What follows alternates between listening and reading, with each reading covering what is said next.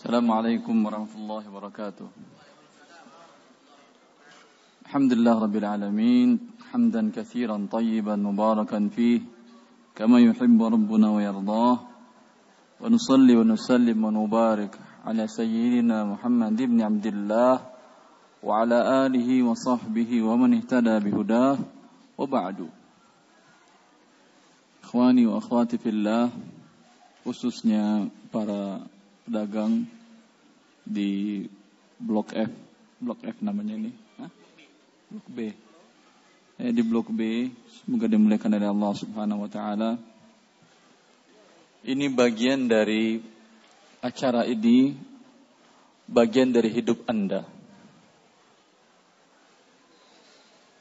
Kenapa saya katakan bagian dari hidup Anda? Tidak ada orang yang terlahir ke atas muka bumi ini menjadi seorang pedagang sukses sesuai syariat Allah Subhanahu wa tidak ada. Mereka berusaha mencari rezeki Allah Subhanahu wa taala. Selain berusaha mencari rezeki Allah Subhanahu wa taala, mereka juga mempelajari mana yang syariat Allah, mana yang halal, mana yang haram. Sehingga yang halal diambilnya, yang haram ditinggalkannya. Ini orang yang sukses dalam hidupnya. Jangankan kita orang biasa-biasa saja. Wahab bin Al-Warad mengatakan, kalaulah anda, laukum taqiya masariyah, ma nafa'aka hatta tanzura ma yadkhulu fi batnik, ahalalun am haram. Kata beliau, kalaulah anda berdiri qiyamul lail, salat malam, tidak pernah bergerak dari rakaat Anda.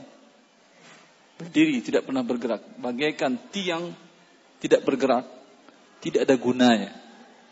Kalau Anda tidak melihat apa yang masuk ke dalam perut Anda apakah yang halal atau yang haram? Dan ini sepakat para ulama seluruhnya. Bahkan Al-Imam An-Nawawi menukil ijma' kemudian diikuti kemudian oleh Imam Al-Ghazali dan Ihya-nya menukilkan ijma' para ulama seluruhnya. Bahwa orang yang semua hartanya adalah haram tidak tahu dia halal atau haram dan dapatkan dengan yang haram tidak ada kewajiban bagi dia. Tidak wajib zakat tidak wajib haji tidak wajib menafkahi istrinya. Tidak ada kewajiban. Oh enak sekali. Iya enak karena seluruh harta yang haram ini tidak halal satu sen pun dia gunakan. Kalau dia ingin berzakat, ingin bersedekah, ingin menyumbang, ingin berinfak, tidak ada gunanya. Karena Allah tayyib. Sedekahnya tidak diterima oleh Allah. Karena Allah tayyib hanya mau menerima sedekah yang dari yang halal, bukan dari yang haram.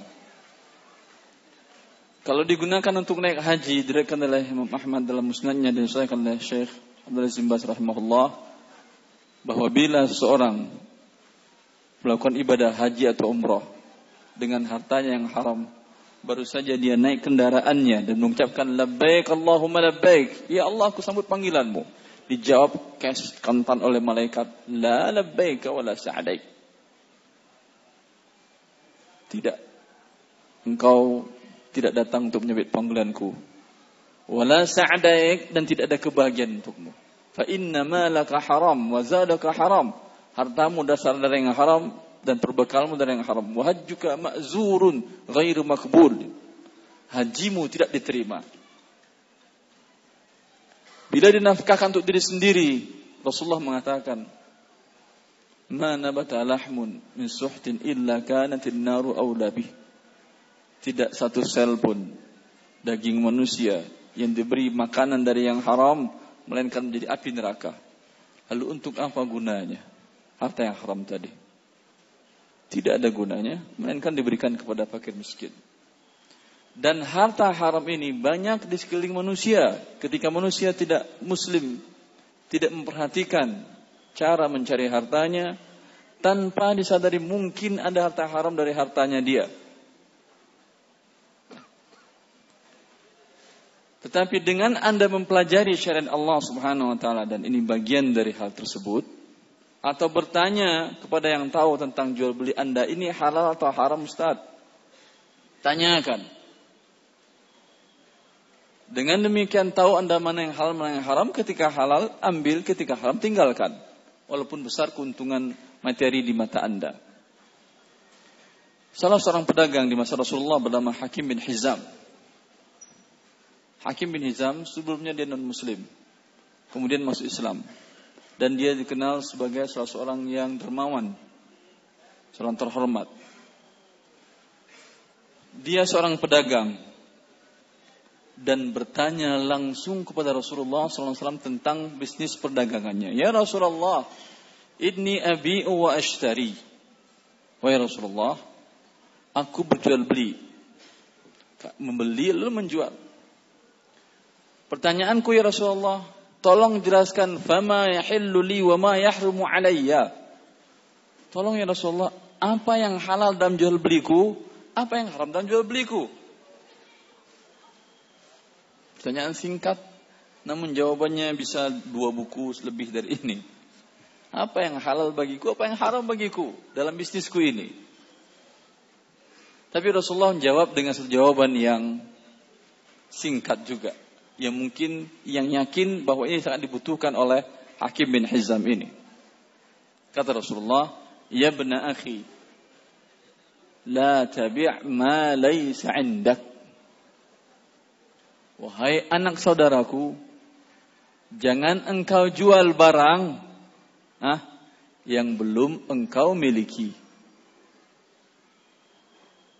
Ini kaidah umumnya. Dia bertanya, ya Rasulullah jelaskan mana yang halal, mana yang haram. Kata dia, jangan kau jual barang yang belum engkau miliki. Ini kaidah yang sangat besar sekali. Jangan engkau jual barang yang belum engkau miliki. Bagaimana barang dimiliki? Seorang pedagang dia akan beli, akan menjual. Akan beli, akan menjual. Jarang yang barang sendiri kemudian dijual jarang. Umumnya barang dari dibeli dan dijual. Yang boleh dia jual kembali setelah dia miliki. Kapan barang tersebut menjadi milik dia? Dengan dua bentuk, dengan dua cara. Tidak terpenuhi syarat ini, tidak sah jual belinya, menjadi riba dia. Syarat pertama, barang yang boleh dijualnya kembali dibeli berarti dengan akad. Akad, dia mengatakan saya beli barang ini ya, atau saya pesan barang ini saya beli masih di gudang orang tersebut dengan akad, iya udah deal deal harga sekian harga sekian deal ini akad. Ini sudah boleh dijual? Belum. Jelas? Masih di gudang penjual sudah boleh dijual? Belum. Bila langsung Anda jual, ada telepon langsung telepon Pak gimana? Ada barang sekian? Masih di gudang di gudang si penjual. Lalu Anda deal jual kepada pembeli dari Anda tidak halal. Eh. Kenapa? Satu syarat lagi belum terpenuhi. Syarat apa yang kedua? Terima dahulu. Dua syarat. Pertama dengan akad, kedua dengan diterima barangnya dengan qabad. Karena la tabi' ma laysa indak, jangan kau jual beli barang menjadi milikmu, belum menjadi milikmu bila belum diterima. Masih di gudang dia, ada yang nelfon, Anda jual, tidak sah jual belinya. Ini yang dikatakan oleh Ibn Abbas ketika ditanya, kenapa Ibn Abbas? Apa hikmahnya dilarang menjual barang yang belum diterima? Kan masih di gudang si penjual. Kata beliau, "Dzaka darahim bid darahim wa ta'amu murja'." Kalau seperti akadnya seperti tadi, barang masih di gudang penjual dan Anda yang beli atau Anda jual langsung kepada yang lain dari dari akad yang kedua Anda langsung dijual, ini yang terjadi apa? Tukar uang dengan uang berlebih. Riba ini. Bagaimana bentuknya? Saya penjual, pembeli. Saya beli kepada beliau, kata beliau deal. Kita saya beli 100 ton kain jenis ini. Satu ton kebanyakan ya, satu ton. Satu ton kain jenis ini. Baik Ustaz. Hah? Tapi barang saya masih di gudang Ustaz. Tapi deal deal harga sekian ya deal. Walaupun sudah saya bayar. Saya bayar DP ya, ini DP. Hah? Masih di gudang dia. Saya bayar sekarang, cash saya bayar ke dia umpamanya. Satu ton, satu miliar. Ini satu miliar, cash. Tapi barang masih di tangan, masih di gudang dia. Saya jual kembali, saya jual berapa? 900 juta? Enggak mungkin kan? 1,2, 1,3, semua satu. Saya jual 1,2. Berarti saya terima uang dari dia berapa? 1,2. Saya serahkan uang kepada dia berapa? Satu. Yang terjadi apa sekarang? Tukar uang dengan uang. Barang masih di mana? Masih di tangan dia, di gudang dia. Maka sesungguhnya yang terjadi tukar satu miliar dengan 1,2 miliar. Ini hukumnya riba. Ini dijelaskan oleh Ibn Abbas. Dan berapa banyak per hari ini kaum muslimin lalai dalam hal ini terlalu menggampangkan, terlalu meremehkan. Terima dulu, setelah diterima, baru ditelepon dia. Jadi untuk akad tadi, cara yang syar'inya, cara meneruskannya, saya datang kepada dia. Mana barang saya? Ini uang 1M, mana barang saya? Mana saat ke gudang? Tunjukin dia, atau saya suruh orang saya, tunjuk barang ini, ini, ini, ini. Atau dia berikan bukti, ini barang Ustadz, sudah kami sisihkan, di sudut yang di sini. Berarti sudah saya terima. Ini bukti tanda terimanya udah. Dengan diterima tadi, saya boleh nelfon ke customer saya, ke yang ingin beli dari saya. Gimana? Jadi 1,2 ini barang sudah ada. Jadi Pak, ini boleh. Ini betul berarti jual barang dengan barang. Jual barang dengan uang, bukan uang dengan uang. Karena ada barang disertakan. Itu barang itu saya sudah saya terima. Apa bedanya nih Ustaz? Hah? Mungkin menanyakan. Apa untung ruginya ini? Bukankah syariat itu gampang? Kenapa harus terima dulu menghabiskan uang segala macam? Hah? Hikmahnya ya akhi. Hikmahnya adalah abdoman. Yaitu jaminan risiko di tangan siapa sekarang. Kalau belum saya terima, dalam kasus yang biasanya dijual, sebelum diterima barangnya sudah dibeli walaupun dibeli dengan akad dan sudah cash, belum diterima. Kemudian la Allah, Hah? Terbakar gudangnya. Hah? Terbakar gudangnya. Maka jaminan tengah sampai tangan dia kan? Saya tidak ada risiko sama sekali. Saya tidak ada risiko dan saya mendapatkan keuntungan dan risiko yang tidak halal. Tapi kalau sudah dipisah dia kasus kedua, Ustaz, barang antum sudah saya, barang Ustaz sudah saya pisahkan di sini. Ah, silakan diambil. Kalau tidak Ustaz ambil, berarti resikonya tangan Ustaz. Harusnya sekarang per jam gudang bayar lu Ustaz. Tapi saya gratiskan gudang selama dua hari lah. Saya, saya ambil dua hari lagi, udah saya gratiskan gudang selama dua hari. Terbakar. Terbakar. Masih di tangan dia resikonya? Tidak.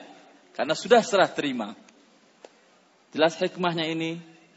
Maka saya ngambil keuntungan tadi selain riba tukar uang dengan uang berlebih, juga saya tidak ada risiko sebagai pedagang. Tidak boleh ya akhi. Anda mendapat keuntungan dengan tanpa risiko dalam Islam tidak ada. Kecuali yang haram. Yang tidak ada risiko kecuali yang haram. Ada salah, salah, salah satu pemda di, di daerah Pulau Jawa ini yang minta uh, minta saya untuk mengelola dana pensiunan mereka. Angkanya lumayan besar. Ada sekitar berapa M gitu. Minta dikelola secara syar'i.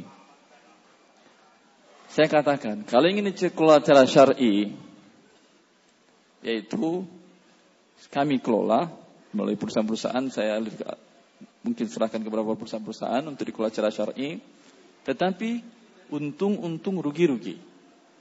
Oh nggak bisa Ustadz ini uang pensiunan. Gimana untung-untung rugi-rugi? Nah, kalau anda tidak mau rugi, serahkan uangnya kepada saya, bentuk pinjaman, kor, lalu saya berikan bisnis dengan beberapa perusahaan, tapi anda tidak boleh dapat untung. Oh nggak bisa juga Ustadz, karena kami ingin untung juga sekurang-kurangnya untuk inflasi. Eh, kalau Anda ingin aman uang Anda, ha? kemudian ingin bertambah, dalam Islam tidak ada. Ini hanya dalam serahkan ke riba, silahkan. Anda berdosa dunia akhirat. Sudah, tadi. Tapi secara syar'i tidak mungkin. Siap resiko, siap untung tadi. Kembali kita kepada hadis Hakim bin Hizam tadi. Hadis Hakim bin Hizam tadi. Ini pokok. Hah? Padahal ada solusinya tadi. Tapi kebanyakan kita tidak melakukannya. Eh, orang yang jual beli saham di bursa, Anda bisa lihat. Setelah dibelinya pagi ini, itu serah terimanya kan setelnya selama tiga hari. Serah terimanya tiga hari baru dua hari kerja menjadi milik si pembeli. Secara syar'i baru boleh dibeli kalau sahamnya syariat, syariat maksudnya. Kalau sahamnya perusahaannya yang bukan haram, baru boleh dibeli, baru boleh dijual dia setelah dua hari kerja. Tambah hari pembelian tiga hari. Tapi apa yang terjadi di sana? Siang naik harganya langsung dijual. Ini belum diterima. Ini sepakat, keluar kesepakatan dari lembaga fikih Islam internasional. Bursa jual beli dengan cara seperti ini di bursa adalah hukumnya haram, judi namanya. Sehingga ini yang menghancurkan ekonomi dunia dan Amerika sendiri menamakan, para ekonom mereka menamakan bursa mereka dengan kasino. Tempat perjudian. Judi ini jadinya. Riba dan perjudian. Karena tidak ada serah terima barang. Alhamdulillah di sini Anda ada serah terima barang. Insya Allah selamat dari perjudian yang itu. Hah? Tapi ingat ini tadi. Bisa menjadi riba dengan cara seperti demikian. Maka saudara-saudaraku para pedagang. Ketika Ali bin Abi Thalib masuk ke dalam pasar. Beliau mengatakan kepada orang-orang di pasar. Ayuh tujar. Ayuh tujar. Innakum fujar. Ini merah telinga dengarnya. Kalau saya terjemahkan ke bahasa Indonesia. Ketika jadi khalifah dia masuk ke pasar Madinah, ke pasar di bukan di Madinah beliau. Di Irak atau di mana beliau? Lupa saya tempat. Beliau mengatakan, "Ayuh tujar, kullukum fujar." Wahai para pedagang, kalian ada orang-orang yang berdosa, kata dia. Hah? Kita pedagang kok dosa? Kan cari yang halal. Kenapa? Karena dilihatnya di waktu dia banyak para pedagang yang tidak benar. Lalu dia katakan illa man sadaqa wa bayyana kata beliau. Kecuali para pedagang yang jujur dan menjelaskan cacat barangnya. Oh. Ini berat ujian para pedagang ini. Menjelaskan cacat barangnya. Biasanya bukan rahasia umum. Dijelaskan yang bukan kebaikannya, yang cacatnya disembunyikan. Ini yang menyebabkan para pedagang tersebut menjadi orang para pendosa. Tapi sebaliknya, kalau dia selamat dari hal ini, dalam sebuah hadis yang walaupun didaifkan sebagian para ulama, tapi sebagian ulama menghasankannya, At-tajul saduqul amin, ma'an nabiyyin wa siddiqin. Pedagang yang jujur, ha? dan dapat dipercaya bersama para nabi sisinya. Sebaliknya, dapat komisi yang tinggi. Tapi bila tidak, seperti yang dikatakan oleh Imam Ali bin Abi Talib tadi, radhiyallahu an. Beliau mengatakan kalian para Rasulullah SAW ini terjadi di masa sahabat juga bukan para pedagang sekarang yang baru penipu itu bukan pedagang dari masa dahulu. Rasulullah Sallallahu Alaihi Wasallam masuk ke pasar Madinah, dimasukkan tangan beliau ke gandum, onggokan gandum. Ternyata yang di bawahnya basah. Yang di luar Masya Allah mantap, kering. Lalu Rasulullah mengatakan, Mahada ya sahibat ta'am. Apa kelakuanmu ini, wahai penjual makan, penjual makanan? Kata dia, asobat husama ya Rasulullah. Wahai Rasulullah, terkena hujan. Iya, terkena hujan nggak apa-apa. Tetapi letakkan yang jelek, jelaskan yang jelek dan jangan ditutupi. Dalam memahami makna hadis ini, Al-Imam Abu Hanifah bin Nu'man, Imam Ahlus Sunnah, yang dia adalah Imam Madhab. Beliau diriwayatkan oleh salah seorang ulama madhab Hanafi bahwa beliau pernah memberikan 70 potong kain kepada teman-teman beliau untuk dijual di Mesir. Untuk dijual di Mesir. 70 potong kain. Tapi saya yakin dia nggak beli dari Tanah Abang ya kainnya. Dulu kain di tenun ya. Tidak di Tanah Abang dia belinya. Kemudian dia bilang kepada temannya ya ini yang akan menjualkan bajunya ini, kainnya ini ke Mesir. Ini ada 70 potong.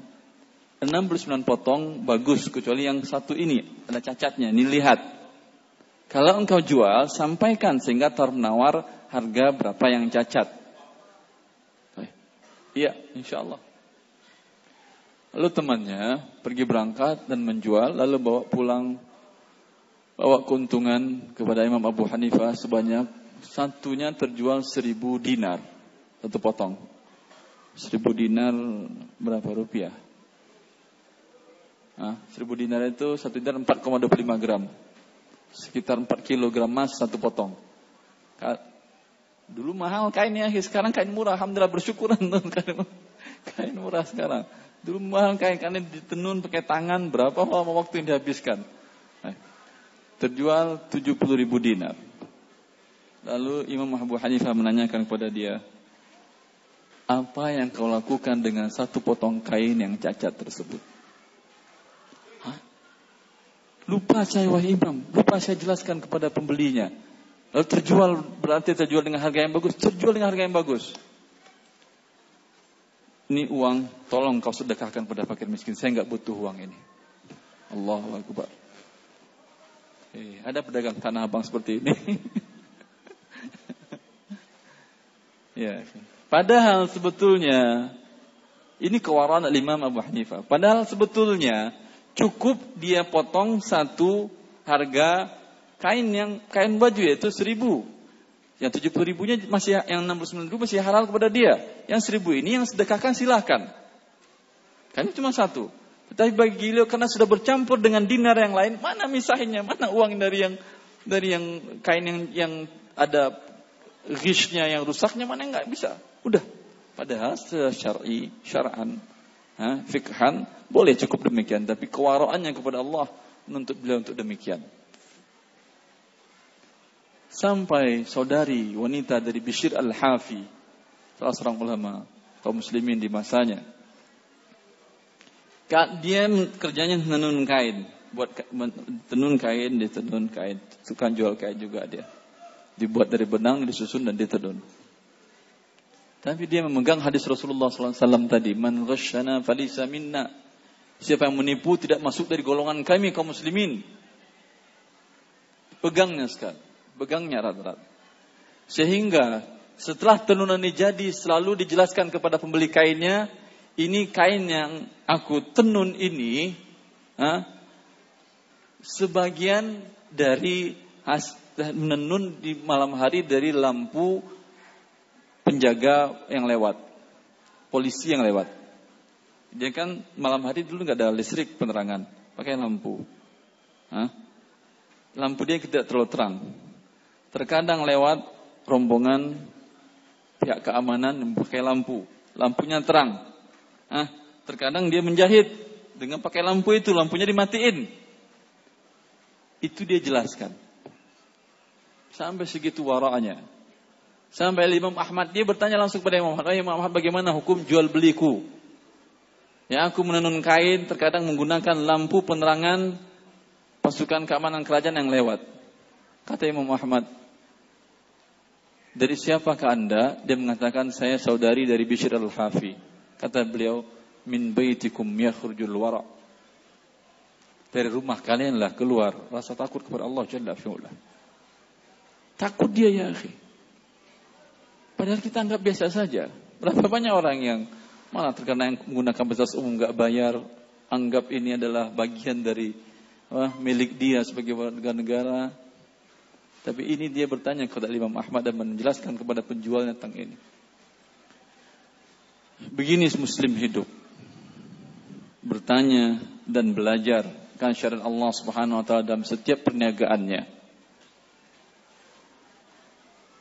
Dan bahkan selain mereka bertanya dan belajar, juga negara agar kaum muslimin mendapatkan harta yang halal, maka di pasar-pasar tersebut ditempatkan para ulama. Tempat rujukan bertanya. Dan terkadang ulama ini pun mengecek seperti Rasulullah SAW tadi, mana yang benar, mana yang tidak. Bahkan Imam Malik jelaskan dalam kitab Al-Muwatta beliau bahwa beliau masuk ke pasar disuruh oleh oleh raja, oleh khalifah, masuk ke pasar. Tes itu pada pedagang. Nah, tes mana bagaimana riba, bagaimana agar tidak riba. Kalau tidak bisa jawab dia tarik dia dari pasar, nggak boleh jualan. Eh, ada yang siap mau diuji? Tarik, suruh belajar dulu. Setelah dia belajar baru boleh masuk lagi ke pasar. Dan subhanallah, tradisi ini bukan di Madinah saja. Ibnu Amir al-Hajj dalam buku beliau, dia ulama mazhab Maliki dan pada abad ke-8 Hijriah beliau wafat, ya. Beliau di Maroko, kan di Madinah, di Maroko yang jauh.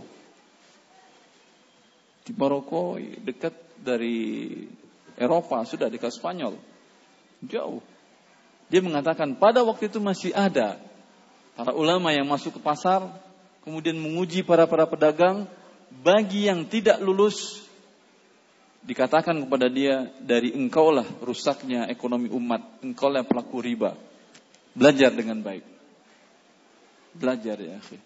Sehingga Imam Syafi'i pernah mengatakan di oleh Imam Al-Qarafi dalam kitabnya Al-Furuq. Saya bacakan nasnya. Kata beliau, "Annal mukallafa la yajuzu lahu an yuqdima ala fi'lin hatta ya'lam hukm Allah fi." Seorang mukallaf seorang muslim yang sudah memiliki hukum wajib menanggung sendiri tanggung jawab perbuatannya kepada Allah. Itu tidak boleh melakukan setiap perbuatan pun sampai dia mengetahui hukum Allah dalam perbuatannya ini. Faman faman ba' wajib alaihi an yata'allama ma 'ayyanahu Allah wa syara'ahu fil bai'i. Siapa yang menjual? Eh, taib. Ini Anda sepertinya para pedagang. Kata Imam Syafi'i, siapa yang menjual, berjualan, maka wajib dia mempelajari apa yang ditentukan oleh Allah dan disyariatkan oleh Allah dalam jual beli. Wajib. Waman ajar, siapa yang menyewakan jasa, baik jasa dia para karyawan ini yang menyewakan jasanya atau menyewakan rumah atau mengontrakkan gedung jasa dari gedung dan barang. Kata Imam Syafi'i, wajib alaihi ayya'lama hukm Allah fil ijarah. Wajib bagi dia mengetahui syariat Allah dalam hukum sewa menyewa ini. Tadi pagi saya bahas di televisi radio tentang kemujarah. Banyak kaum muslimin tidak mengerti tentang ijarah mana yang syar'i dan mana tidak syar'i dia sewa umpamanya sebuah gedung ya sama dengan tadi terima dan tidak terima tadi saya sewa satu gedung ini umpamanya ini boleh saya sewakan kembali ke pedagang-pedagang yang lain tapi dengan syarat saya terima dahulu sama dengan berarti dengan saya terima saya sewakan saya boleh mendapatkan keuntungannya karena resiko di tangan saya, walaupun sebagian ulama seperti sebagian para ulama Syafi'iyah, Hanafiyah mereka mengatakan tidak boleh menyewakan kembali. Karena resiko siapa yang menanggung? Mayoritas para ulama mengatakan boleh dengan catatan resiko adalah penyewa ini menanggung. Saya sewa seluruhnya, kemudian saya sewakan kembali, ini boleh. Pelajari syariat Allah Subhanahu wa taala dalam sewa menyewa. Apakah uangnya di awal atau di belakang? tidak jadi masalah oleh sebagian para ulama. Ya, yang penting pelajari syariat Allah dalam hukum sewa menyewa ini. Baik. Wa man qarada wajib alaihi hukm Allah fil qiradi. Siapa yang melakukan akad mudharabah investasi. Saya menyerahkan modal kepada beliau. Saya katakan pada saya ada uang simpanan angkanya 100 juta. Tapi saya nggak ngerti pasar Tanah Abang. Silahkan kamu, ah, Abdul Basit, silahkan Anda putar uang saya di pasar Tanah Abang. Bagaimana cara terserah Anda, yang penting halal. Jual beli barang, jual beli barang, ha? 100 juta cukup, kurang kali ya. Kurang berapa? 5 M? 5 M, 5 M. 5 M saat ini modal silakan kontrak ah, ruko ukuran berapa serantum jual barang di sana. Ini namanya hukumnya adalah kirat atau mudorobah. Ini paling sering ribut. Saya paling sering ditanyakan oleh para pedagang setelah naik tinggi atau hancur. Biasanya pada saat tahap awal nih silakan uang miliar putar. Nanti untung kita bagi, kita bagi-bagilah. Insya Allah nggak ada masalah kita sama kita kok. Sama-sama Ustaz masa ribut masalah keuntungan. Tidak ada berapa pastian berapa keuntungan. Naik angkanya menjadi umpamanya setelah setahun diputar dia naik angkanya menjadi 30 miliar asetnya. Saya bilang kepada dia, ya udah ambil 3 miliar ini, ah, ini sekarang milik saya, saya mau jualan sendiri. Rela dia, Ustaz, itu kan pertambahannya 25 miliar, kok saya dapat 3 miliar? Ya, akhi, 3 miliar gede loh itu. Nanti sampai mati cari kerja jadi pegawai negeri belum dapat. Iya sih gede, tapi di awal kan, karena dari awal tidak ada ribut sering. Anda pelajari syariat Allah Subhanahu wa taala sebelum mulai tadi kirat tadi. Itu kalau sedang tinggi. Kalau sedang rugi. 5 miliar tadi saya serahkan kepada beliau, la qadar Allah. Bisnis bisnis beliau tersebut pada awalnya bagus menurutnya dan menurut saya juga bagus. Ternyata kolaps. Habis barangnya. Hah? Saya tinggal bilang, Sabdul Basit, 5 miliar itu ante punya tanah, punya rumah, punya apa? Hah? Masih kurang, punya anak istri. Ya Allah itu teman. Ya sampai segitunya. Karena tidak tahu syariat Allah. Dia pikir ini uangnya terjamin. Tadi sudah saya katakan kaidah dalam Islam. Kalau modal terjamin, tidak boleh dapatkan keuntungan. Kalau ingin mendapatkan keuntungan menjadi riba dia. Karena akadnya pinjaman. Enaknya diputar oleh dia. Ketika rugi, dia tidak mau rugi, Anda rugi sendirian. Ini yang sering terjadi. Ya. Ini yang sering terjadi karena tidak mempelajari syariat Allah Subhanahu wa taala. Maka bila Anda ingin buat sebuah kerjasama, investasi dan lain-lain, siapkan dulu draftnya. Pasal-pasalnya kita begini, kita begini, kita begini, begini. Lalu minta bertanya kepada yang tahu. Setelah pelajari saya akan bertanya kepada yang tahu. Bukankah Allah mengatakan kepada fas'alu ahla dzikri in kuntum la ta'lamun. Bertanya kepada ahli dzikir jika kalian tidak mengetahuinya mungkin nanti diperbaikinya. Oh ini nggak nggak pas pasalnya. Tadi yang pasal bagi hasilnya nggak jelas berapa persen. Tidak boleh ini. Tidak boleh. Kalau terjadi seperti ini dan terjadi kasus seperti tadi case seperti tadi menjadi ribut, maka bagaimana dalam kasus yang tadi? Maka beliau cuma dapat ujroh, upah. Dikembalikan akad mudharabahnya akad upah. Berapa biasanya upah mengelola mengelola sebuah toko, bukan sekedar menjual tapi mengelola sebuah toko selama satu tahun berapa? Anda yang satu miliar, satu miliar cuma buat dia. Karena tadi rusak akadnya.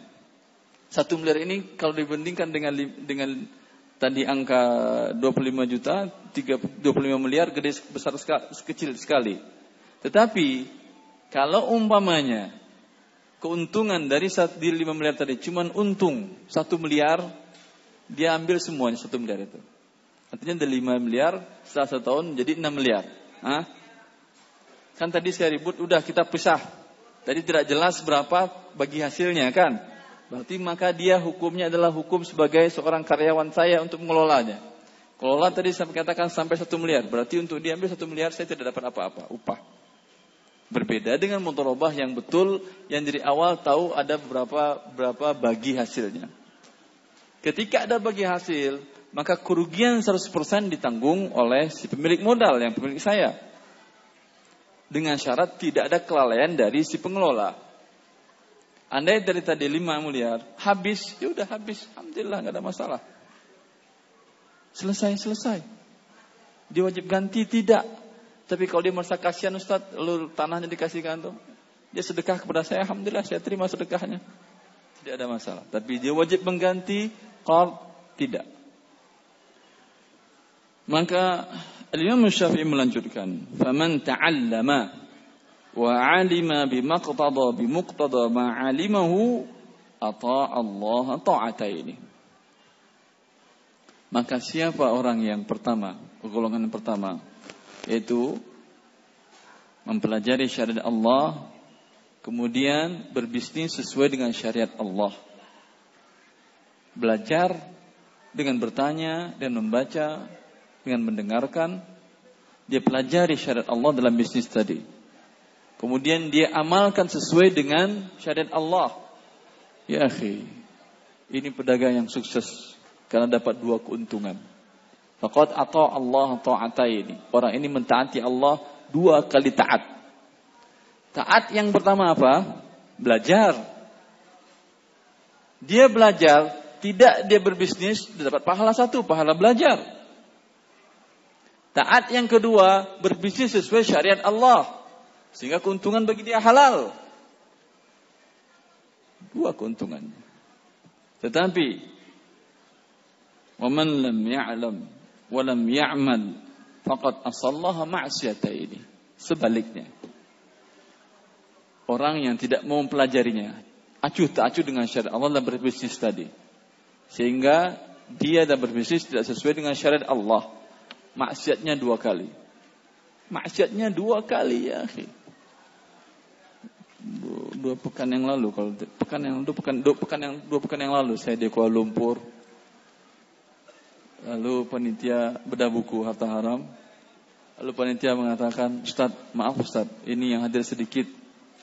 Karena banyak para para teman-teman yang sudah ikut kajian, sudah ngerti sunnah. Ah, saya hubungi kata dia, kalau pelajaran bedah buku mamalat saya nggak berani datang. Karena kalau saya tahu haram, saya nggak berani melakukannya. Kalau saya nggak datang, saya nggak tahu ya Alhamdulillah. Allah memaafkan dosa-dosa saya. Ya, dia tidak tahu apa yang dikatakan oleh Imam Al-Qarafi ini. Siapa yang tidak belajar? Dengan demikian tidak beramalkan dalam sesuai dengan ilmu yang disyariatkan oleh Allah, bukan dia selamat dari dosa, dua dosanya. Pertama dosa tidak mempelajari, Allah suruh belajar tidak mau belajar. Bangkang atau tidak itu namanya? Eh, bangkang ya. Yang kedua tidak melakukan syariat Allah dan berbisnis dengan cara yang haram. Dua dosa dia. Bukan selamat dari itu. Dan kita lihat golongan yang ketiga dikatakan Imam Qarafi. Wa man 'alima wa lam ya'mal bimuqtada ilmihi faqad ata Allah ta'atan asahu maksiatan. Siapa yang belajar belajar tapi ketika dia berbisnis tidak dia terapkan apa yang dipelajarinya. Dia mengetahui riba tahu dia haram. Riba tahu dia haram. Tapi bagaimana lagi? Saya sudah di posisi puncak di perusahaan riba ini. Hah? Kalau saya resign, siapa yang mau ngasih saya makan? Hah? Tahu tapi tidak mengamalkan sementara ilmunya. Orang seperti ini berat memang. Tapi lebih baik daripada orang yang kedua tadi. Ini orangnya bermaksiat sekali kepada Allah dan taat sekali kepada Allah. Impas Hah? Apa namanya? Seri? Tidak ada untung, tidak ada rugi? Rugi ya, akhi. Karena ketaatan Anda kepada Allah Subhanahu wa taala belum tentu taat sempurna, tapi sudah maksiat sudah jelas. Maka orang yang seperti ini tinggal minta kepada Allah Subhanahu wa taala agar dimudahkan oleh Allah. Selalu berdoa kepada Allah agar dimudahkan oleh Allah Subhanahu wa taala untuk meninggalkan yang haram tadi karena berat memang. Ada beberapa waktu setelah saya operasi kepala ada salah seorang kaum muslimin yang, yang SMS ingin ketemu langsung. Datang dia ke rumah, dia pejabat di BI, lalu dia bilang, Ustaz, saya ketika dapat buku antum, saya baca dari awal sampai akhir tiga hari, alhamdulillah tamat. Tiga hari tamat. Padahal buku berat isinya, tapi tiga hari tamat sama dia. Karena dia pakar ekonomi, ya pejabat. Tapi dan alhamdulillah kesimpulannya Ustaz dari buku Anda ini 25 tahun saya bekerja di lembaga tersebut semuanya haram. Iya, bagus alhamdulillah. Terus bagaimana? Berarti sekarang saya resign. Pejabat resign, baik silakan resign. Semoga Allah memudahkan Anda. Tapi Ustaz saya masih ada utang satu miliar ke kantor. Satu miliar. Pejabat tentu dapat fasilitas pinjaman kan. Eh, satu miliar kantor. Tapi saya alhamdulillah Allah tunjukkan saya jalannya. Saya punya rumah, rumah saya kemungkinan harganya lebih dari 2 miliar. Rencana saya saya jual, kemudian saya tutupi utang di kantor saya, saya resign. Kemudian tinggal di mana Anda? Enggak apa-apa saat saya tinggal di rumah kecil. Dengan sisa hasil tersebut saya akan mulai hidup yang halal. Alhamdulillah. Ini orang yang diberikan taufik oleh Allah Subhanahu wa taala. Tahu kemudian beramal dengan muktadu amalnya sehingga dia mendapatkan dua ketaatan dari Allah Subhanahu wa taala. Semoga Allah memberikan ketaatan kepada kita dan petunjuk kepada kita dan ilmu kepada kita sehingga kita menjadi golongan yang pertama yang mendapatkan dua ketaatan dalam setiap bisnis kita. Taat mempelajari syariat Allah dan taat mengamalkan bisnis sesuai dengan syariat Allah Jalla fi'ala. Baik, tonton. Ya baik. Terima kasih banyak. Uh, syukran jazakallahu khairan barakallahu fiik pada Ustaz yang sudah memberikan uh, pembahasan yang insya Allah sangat bermanfaat sekali bagi kita semua. Ada beberapa poin yang kami catat ya. Uh, secara pribadi mungkin nanti ada tambahan juga bahwa sering kita lalai sebagai para pedagang yaitu yang pertama menjual barang yang belum dimiliki, ya, menyembunyikan cacat, tidak mengetahui ilmunya ketika masuk ke dalam pasar untuk berjual beli, dan mudorobah yang akadnya hancur. Ya, yang mudah-mudahan uh, setelah kita menyimak ini kita ada keinginan untuk belajar. Ya, keinginan untuk belajar itu saja. Yang penting ada motivasi untuk belajar uh, ilmu uh, berdagang ini. Baik untuk selanjutnya kita akan buka sesi interaktif, sesi soal jawab. Di sini sudah ada banyak kertas yang masuk dan satu kertas ada yang lebih dari tiga pertanyaan. Ya, Masya Allah. Mungkin kita akan uh, angkat satu kertas satu pertanyaan saja ya. Silakan. Kasih ini sangat baik sekali, mungkin waktunya tidak cukup. Ini hak Di... Anda, ya, mumpung saya tinggal di kota sini. Ya, berapa waktu yang lalu, saya subhanallah, anak muda, anak muda, paling umurnya sekitar di bawah 30-an lebih sedikit. Nelfon, Ustaz, saya boleh ke rumah, silahkan. Datang ke rumah pagi-pagi sekitar jam 7 ya, dia menanyakan tentang status kepegawaian dia halal atau haram. Karena dulu dia masuk pakai sogok. Saya katakan kepada dia sekarang sampaikan kepada perusahaan anda bahwa saya dulu masuk pakai sogok. Kalau menurut anda saya masih layak boleh bekerja silahkan gunakan kalau tidak tidak cuma itu jawaban Ustaz iya Alhamdulillah kata dia sekarang saya mau pulang Ustaz mau pulang ke mana anda ke Makassar Ustaz Hah? Dari Makassar Anda ini dari Makassar saya Ustaz. Kenapa tidak pakai telepon saja saya bilang. Gak puas saya Ustaz. Saya nggak puas mumpung saya masih di awal-awal kerja di bulan-bulan pertama kerja. Kalau halal langsung saya langsungkan, kalau tidak saya resign. Ya, alhamdulillah dari Makassar dia pulang pergi tiket sudah berapa itu? Antum alhamdulillah masih satu kota. Maka jangan pernah ah, merasa berat, sungkan untuk bertanya. Telepon ada, tapi kalau tidak diangkat datang ke rumah aja. Tahu di kota wisata ada saya sholat di Masjid Darussalam, silahkan sholat di sana. Insya Allah ketemu. Ya, uh, kita akan angkat dulu pertanyaan. Yang pertama, Assalamualaikum warahmatullahi wabarakatuh. Assalamualaikum Ya Ustadz, apakah boleh kita, eh, apabila kita mempunyai uang dan kita meminjamkan uang kita ke teman untuk berdagang, tetapi ya. kita minta keuntungan. Misalkan dia beli barang seharga 20 ribu dan kita minta dari keuntungannya itu ini berarti bahan ya per meter 5000. Ya. Boleh tidak? Eh. Dia punya uang. Lalu dipinjamkan. Dipinjamkan ke teman. Dipinjamkan ke teman. Lalu minta per meter 5000 5000 buat dia. Ya. Si pemberi pinjaman tadi. Eh. Banyak seperti ini angkat di sini. Subhanallah. Ini riba murni. riba murni. Tidak pakai takwil-takwil lagi, nggak pakai tafsir-tafsiran riba murni. Kenapa? Karena akadnya pinjaman. Karena akadnya pinjaman. Akadnya pinjaman, maka dia tidak akan menanggung rugi, uangnya tetap kembali, rugi pun bisnis tetap. Terkadang rumah si rugi masih minta dia 5 ribu per meter itu. Dihitungnya kamu udah berapa meter? Oh rugi habis susah saya, saya ditipu. Enggak tahu saya, yang penting per meter saya hitung.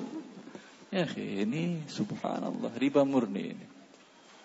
Solusi syar'inya kalau Anda ingin, ha? tolong tunjukkan kainnya mana.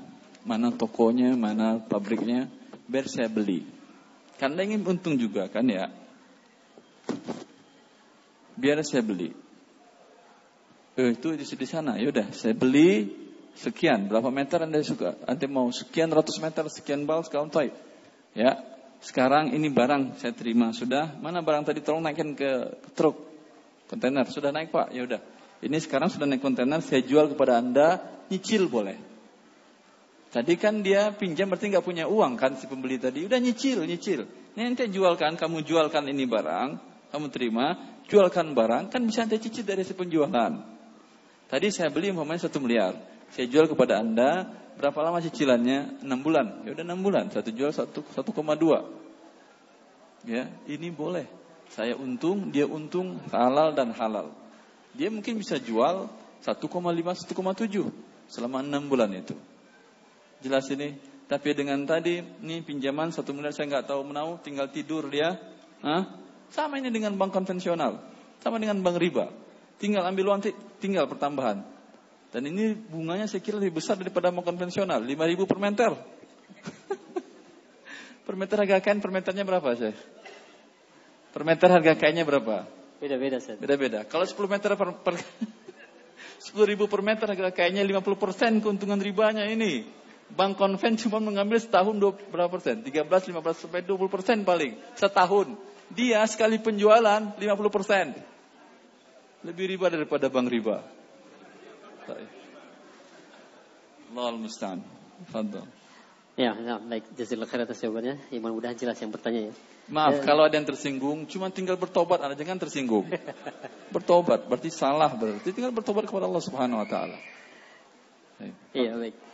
Yang kedua ini ada pertanyaan, uh, ya Ustadz, apa yang dimaksud dengan menjual dua harga?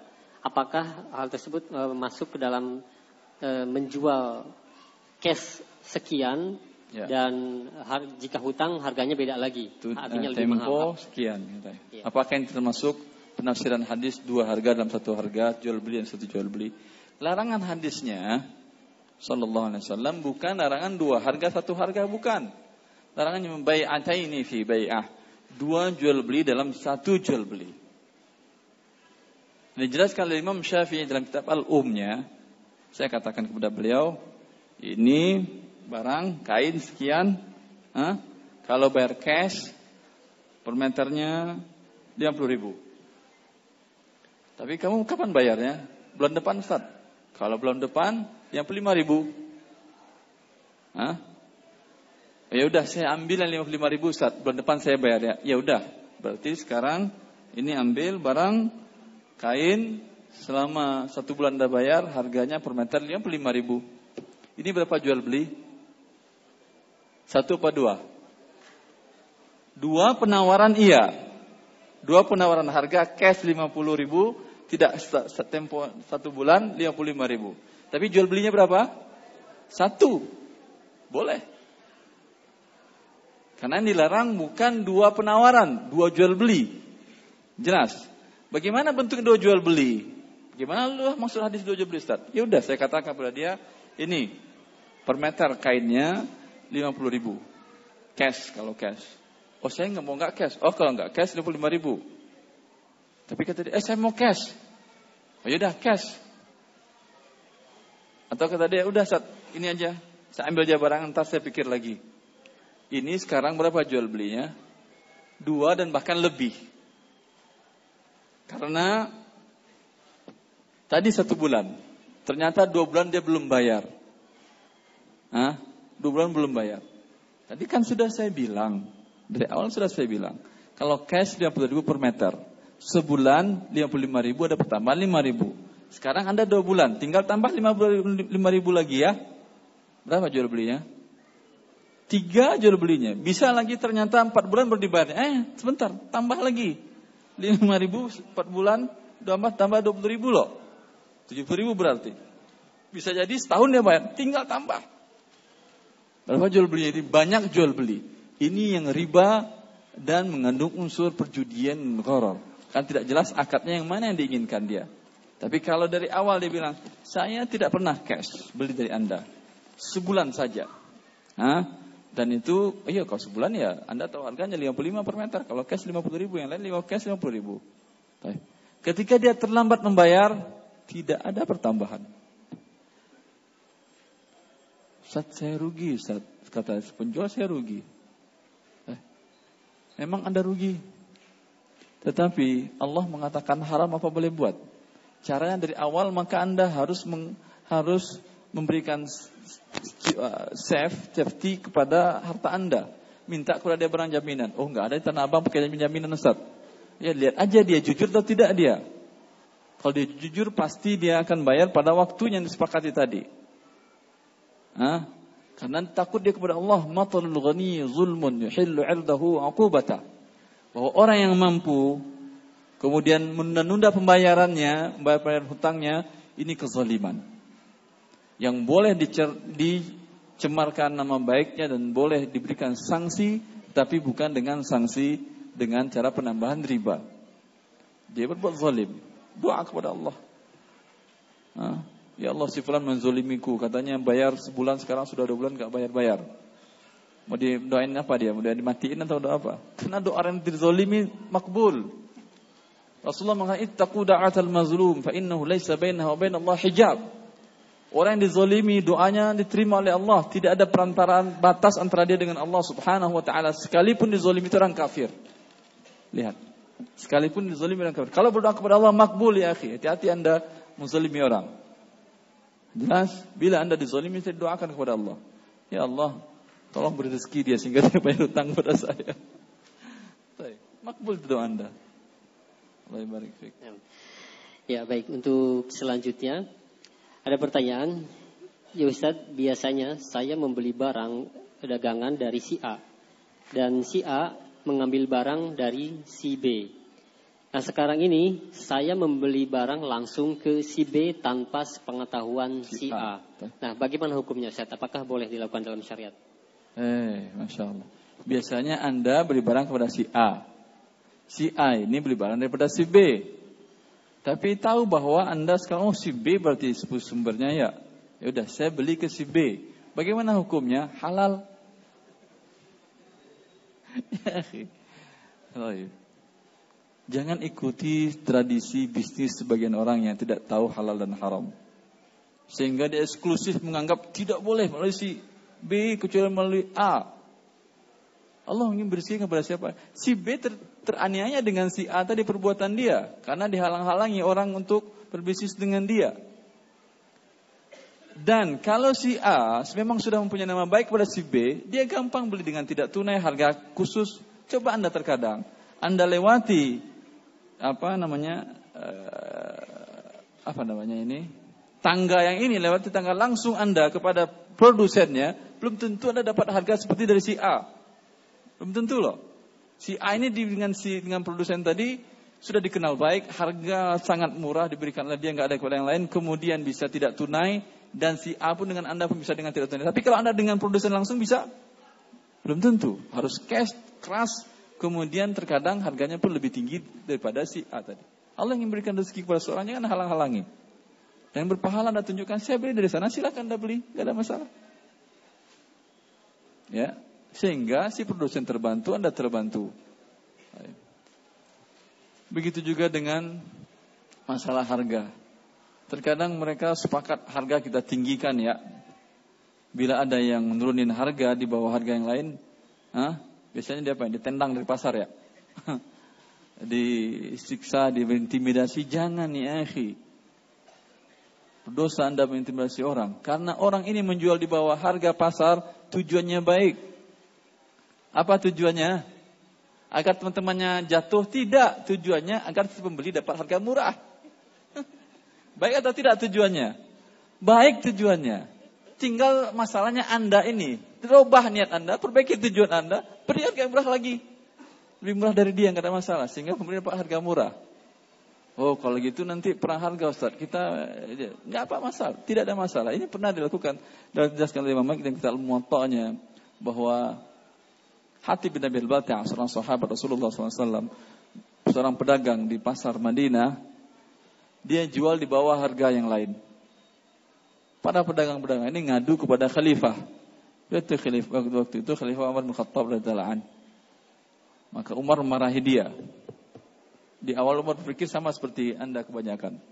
Dia mengatakan, "Wahai Hatib, irfa' atau tarfa' sukina." Hatib, naikin hargamu seperti yang lain.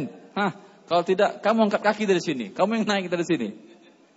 Hatib bin Abil Balta'ah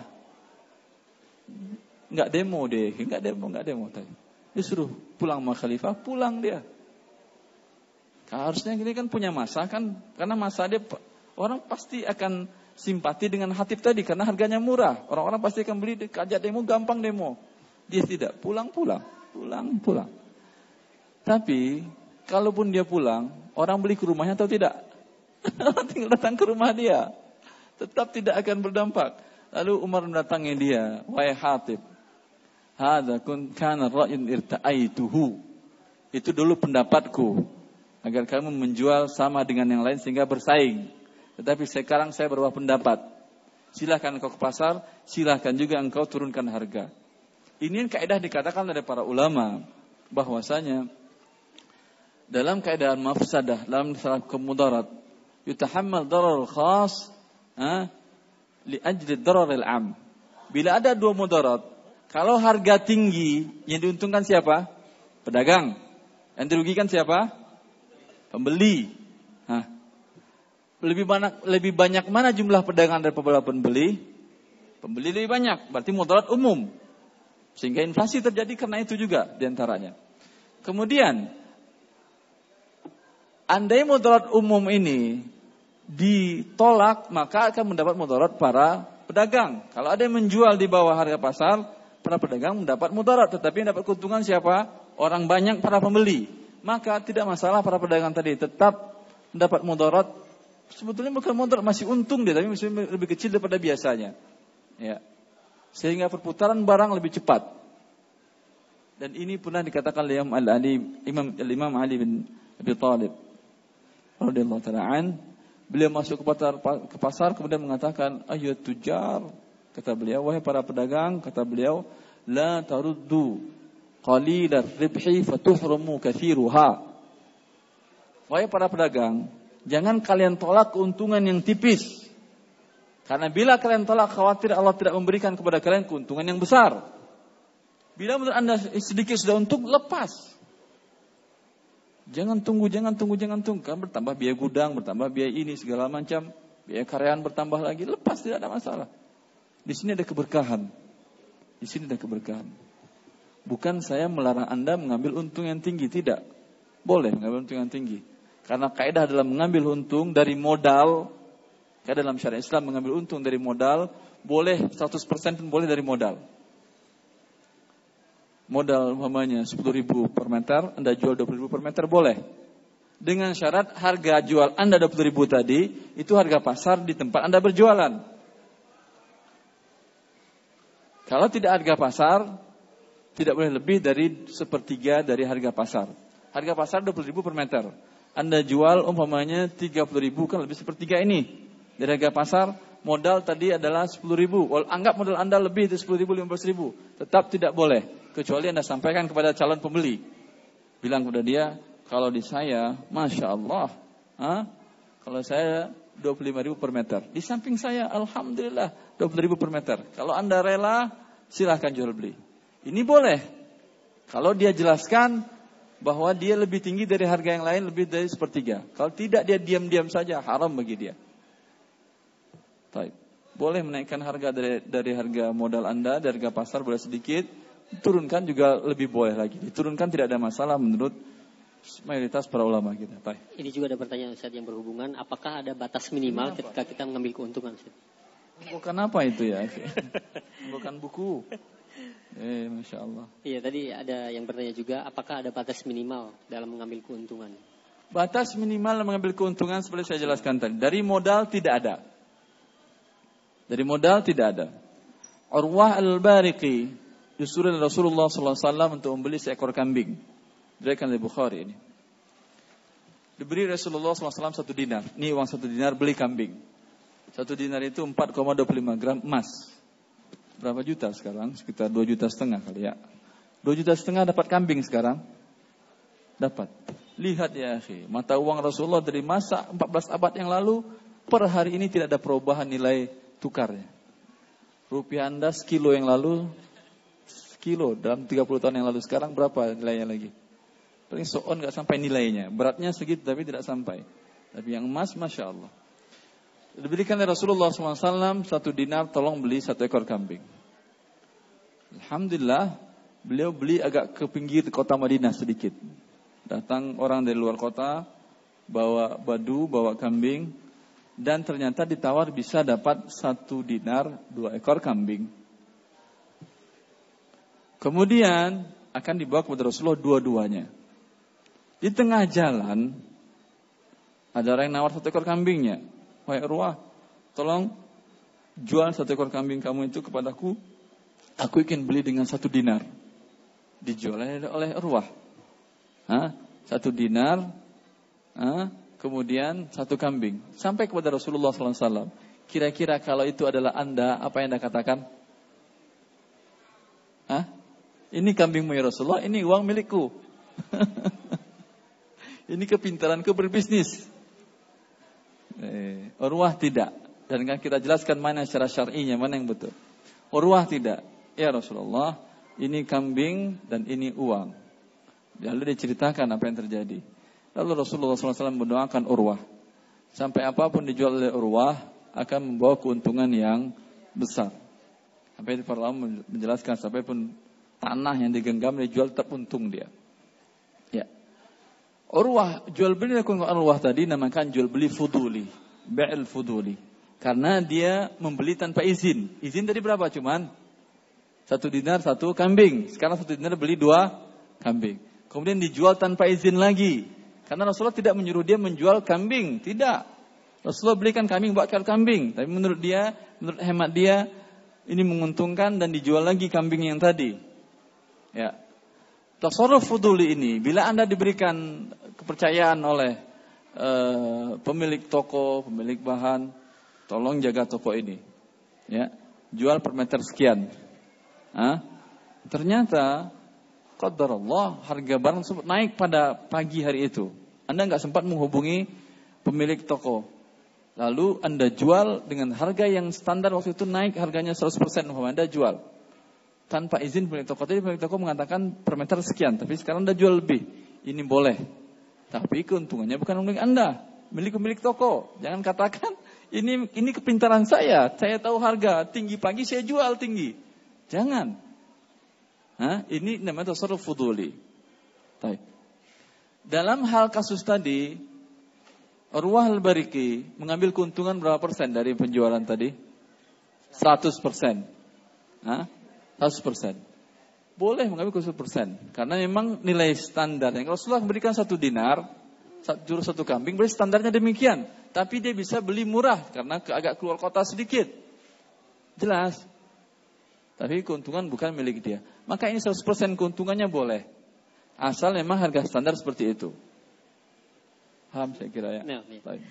Ya baik mudah-mudahan paham ya untuk yang bertanya dan e, kami pilih sengaja ini tidak semua pertanyaan kami pilih yang berhubungan dengan muamalah yang sering uh, dilakukan oleh para pedagang ya. Uh, yang ada pertanyaan, ya Ustaz, saya member atau reseller dari salah satu sebuah uh, salah satu distributor besar.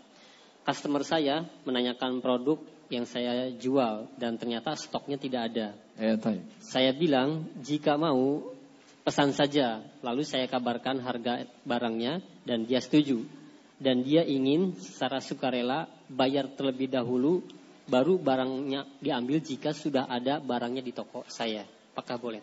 Tidak boleh. Barang di tangan distributor Anda tidak ada. Sekarang Anda jual apa? Apa yang Anda jual sekarang? Tidak ada barangnya.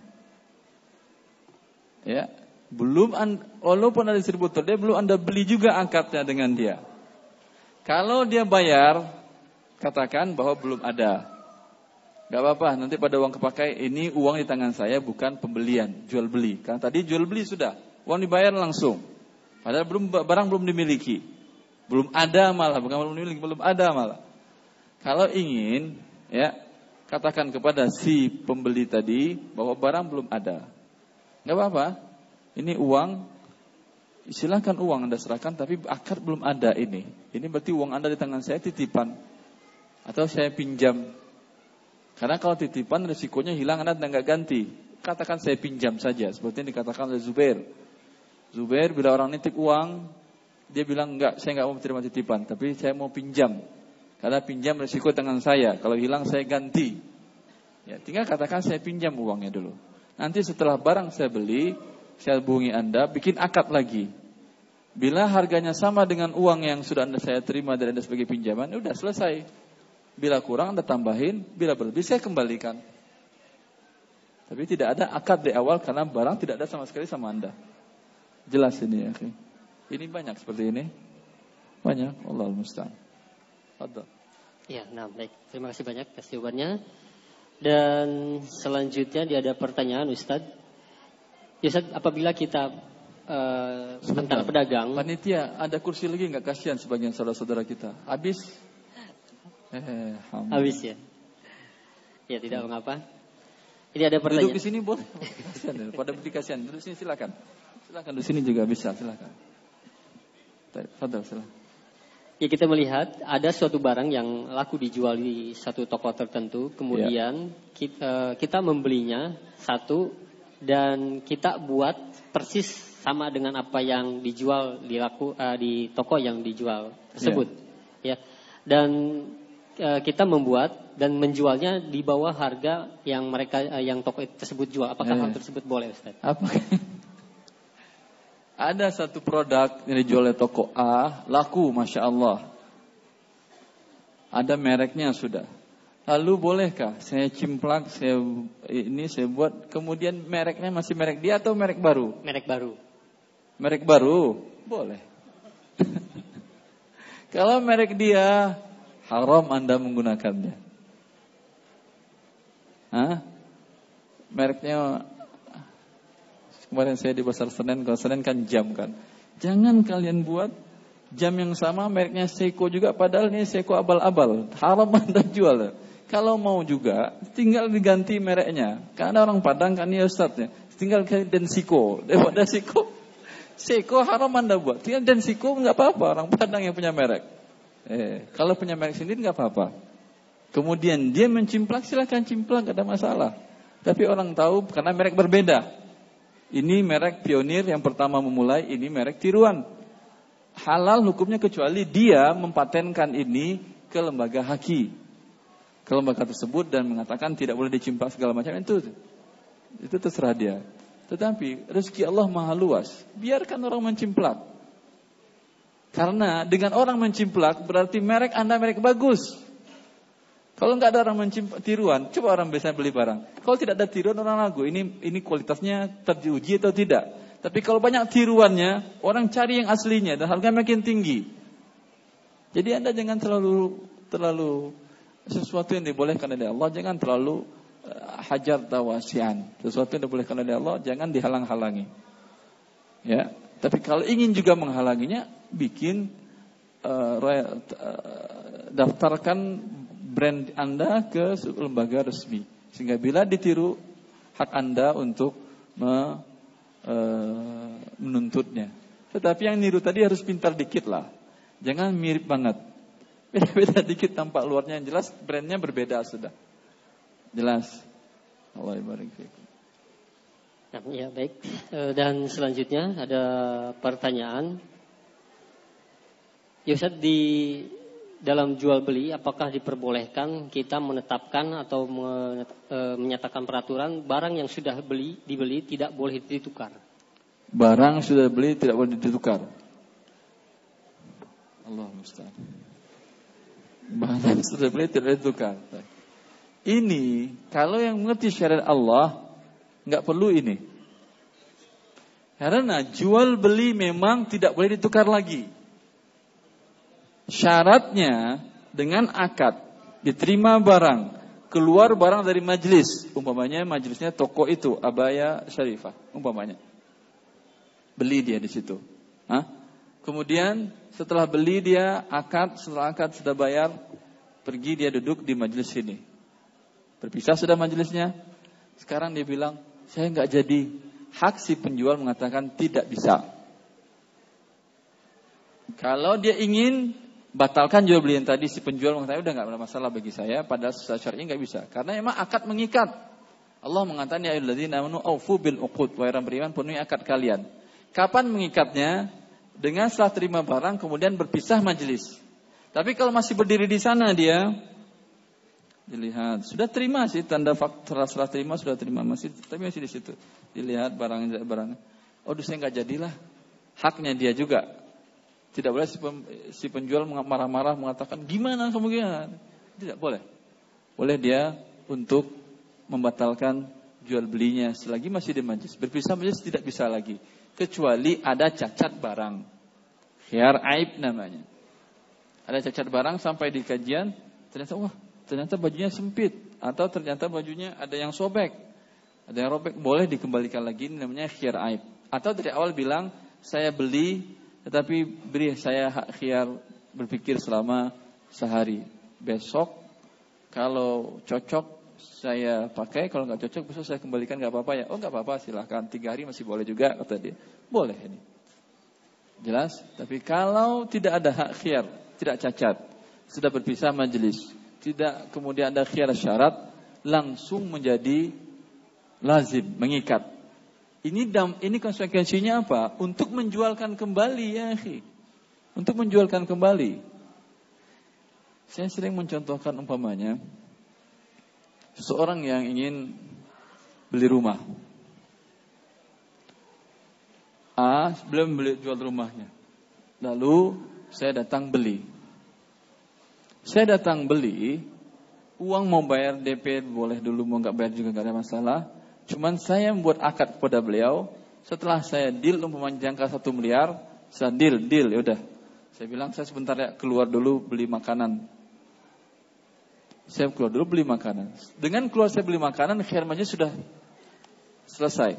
Andai setelah itu, Pak, sebentar saya ada urusan lagi ke, beli, ke Anda, sebentar. Saya datang orang nanyakan, Pak, saya mau beli rumah Anda cash ini. Kalau saya baru DP kan tadi, saya cash 1,3. Bisa dijual dia? Kalau dia jual dia, nggak ngerti dia tentang hukum jual beli tentang syariat Allah. Dia bilang saya batalin kamu kan bayar DP doang ini. Tidak bisa.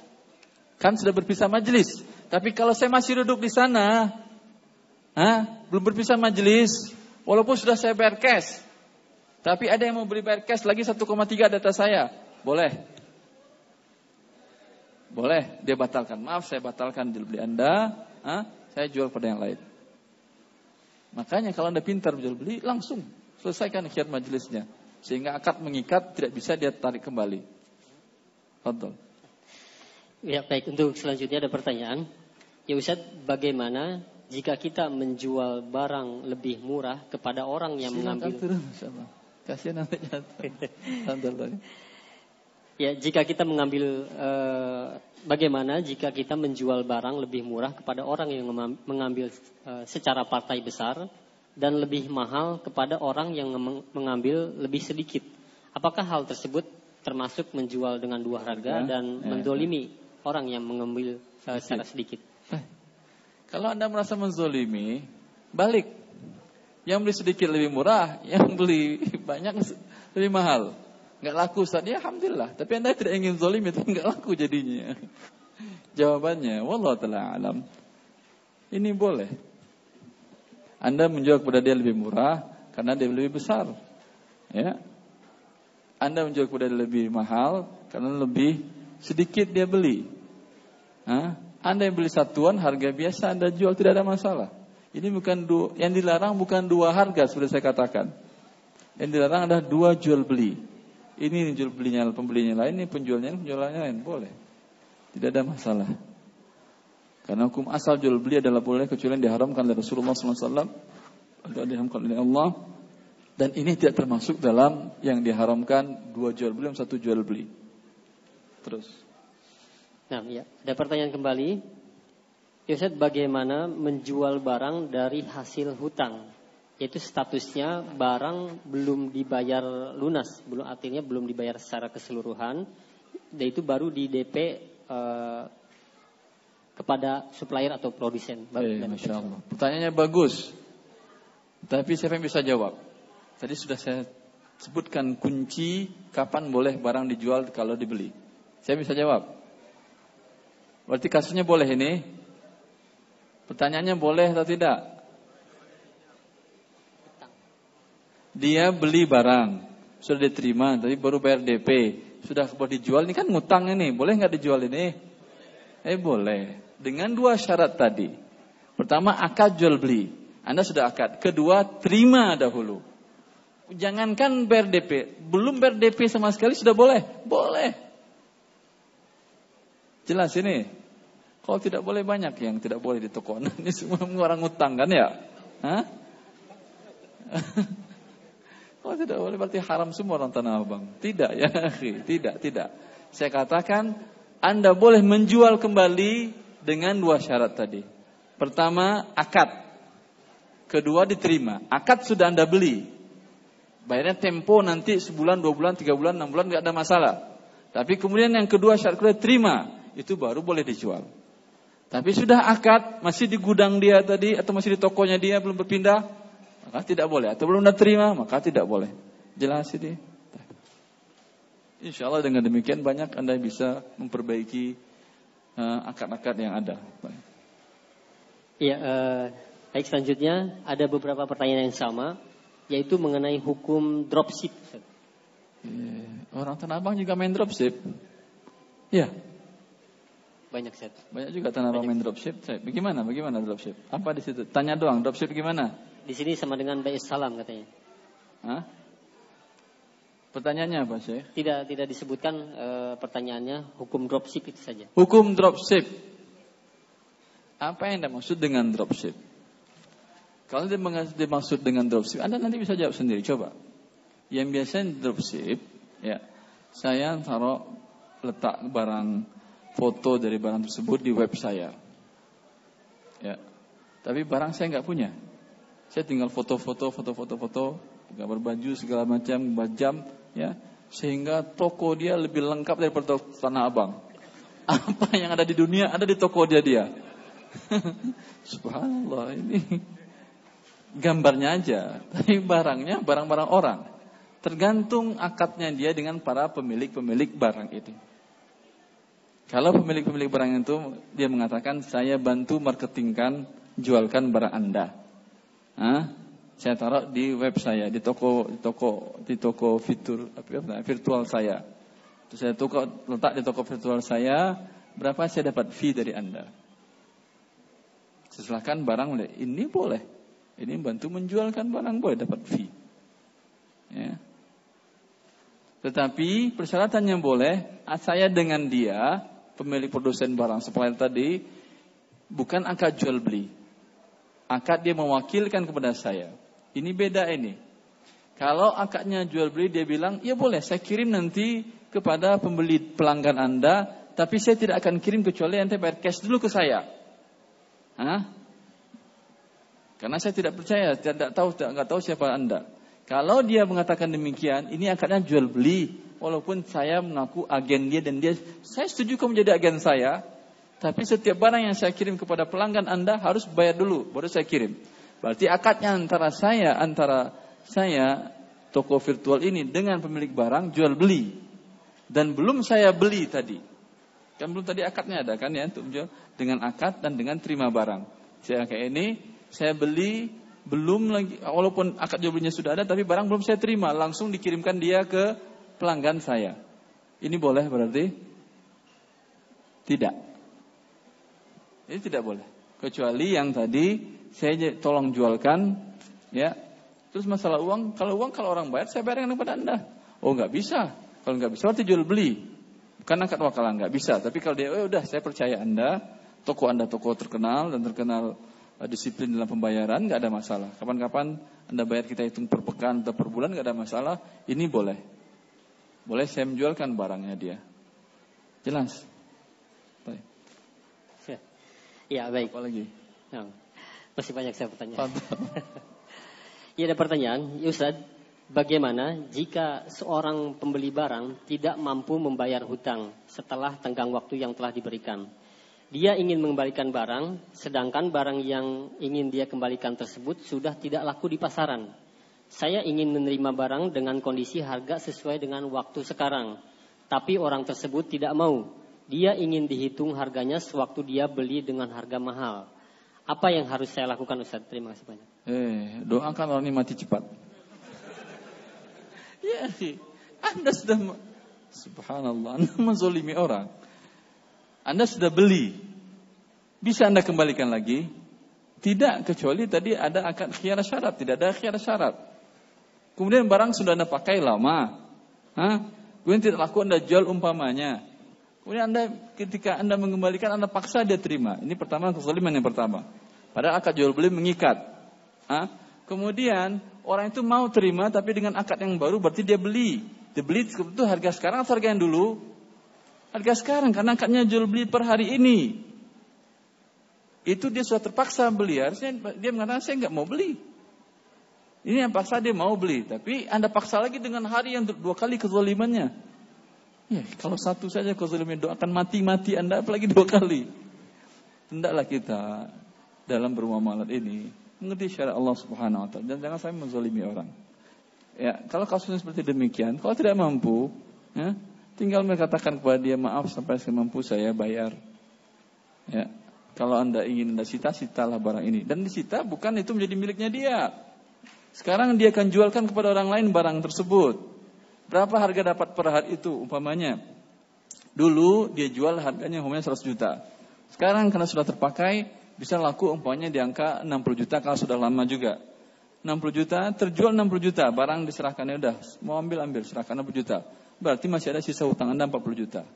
Kalau tidak Anda bayar di akhirat nanti aja kita perhitung-hitungan di akhirat. Kalau tidak bayar dunia. Nah, ya. Baik, ini ada pertanyaan untuk uh, pembeli ya. Ya Ustaz, apakah boleh pembeli menawar barang dengan cara membandingkan dengan toko yang lain yang lebih murah? Contohnya di sana lebih murah gitu. Kok bisa gitu? Dia bohong apa enggak? Belum tahu. Ada yang bohong, ada yang benar. Ustaz. Ada bohong, ada yang benar. Kalau yang benar, tinggal nanti pergi ke sana. Ngapain kemari nyakitin hati orang saja. udah tinggal bilang ya udah. Ayo, udah terima kasih Pak. Pergi ke sana. Nyakitin nanti orang berdosa ya akhi. Dia tahu memang sana lebih murah. Kan tadi dikatakan masih ada tenggang harga pas di atas harga pasar. Harga pasar namanya per meternya 10 ribu dijual dia 12 ribu masih ada tenggang. Karena 13 3 sepertiga dijual dia 13 14 ribu baru dia berdosa. Mengambil keuntungan lebih mahal dari harga pasar. Jelas, jangan bikin sakit orang padahal dia halal yang dijual dia. Kan dia halal saya katakan mesti tenggang dari sepertiga tadi. Baik. Jelas para pembeli. Iya, baik untuk selanjutnya. Jadi ada pertanyaan, Yusuf bagaimana dengan jualan makanan? Jika sedang ramai, maka porsinya dikurangi. Jika sedang sepi, maka porsinya penuh. Eh, subhanallah. Kalau ramai, porsinya dikurangi. Dikurangi. Kalau sepi, porsinya ditambah. Porsi sebetulnya berapa? Porsi sepi mungkin. Porsinya biasanya. Allah alam. Kalau seperti ini berarti ada porsi tengah-tengahnya. Iya kan? Porsi tengah-tengahnya ada. Bila dia mengurangi dari porsi tengah-tengahnya tadi, tidak lebih dari sepertiga masih halal. Hah? Tapi lebih dari sepertiga ghish dia. Termasuk dalam ghish. Paham? Umpamanya apa? Sanduk nama. Disandukkannya, diambilkannya dengan sendok nggak penuh. Hah? Tidak boleh Anda seperti itu. Kalau maksud Anda porsi tengah-tengah kurang dari porsi tengah-tengah sepertiga haram bagi Anda. Tapi masih dalam rentang kan tidak mungkin harus standar sama semuanya nggak mungkin kan. Masih ada masih masih ada apa namanya tarik ulur sekitar sepertiga dari biang biasa. Wallahu taala Ya, ada beberapa pertanyaan yang sama yaitu ya Ustaz apakah boleh kita menggunakan fasilitas umum yaitu artinya jalan kita gunakan untuk usaha? Eh, dan bayarnya ke siapa ini? Ke ke saya bayar iya. nggak pernah terima bayar. Eh, dan itu sudah dilegalkan oleh pihak yang berwenang Ustaz. berwenang sudah merelakan? Iya. Di tapi, sini ditanyakan seperti tapi itu. tapi pengguna fasilitas umum tidak merelakan ya Umpamanya fasilitas umum seperti tempat pejalan kaki. itu trotoar, itu bukan hak pemerintah lagi. Karena sudah dibuat untuk itu tersebut.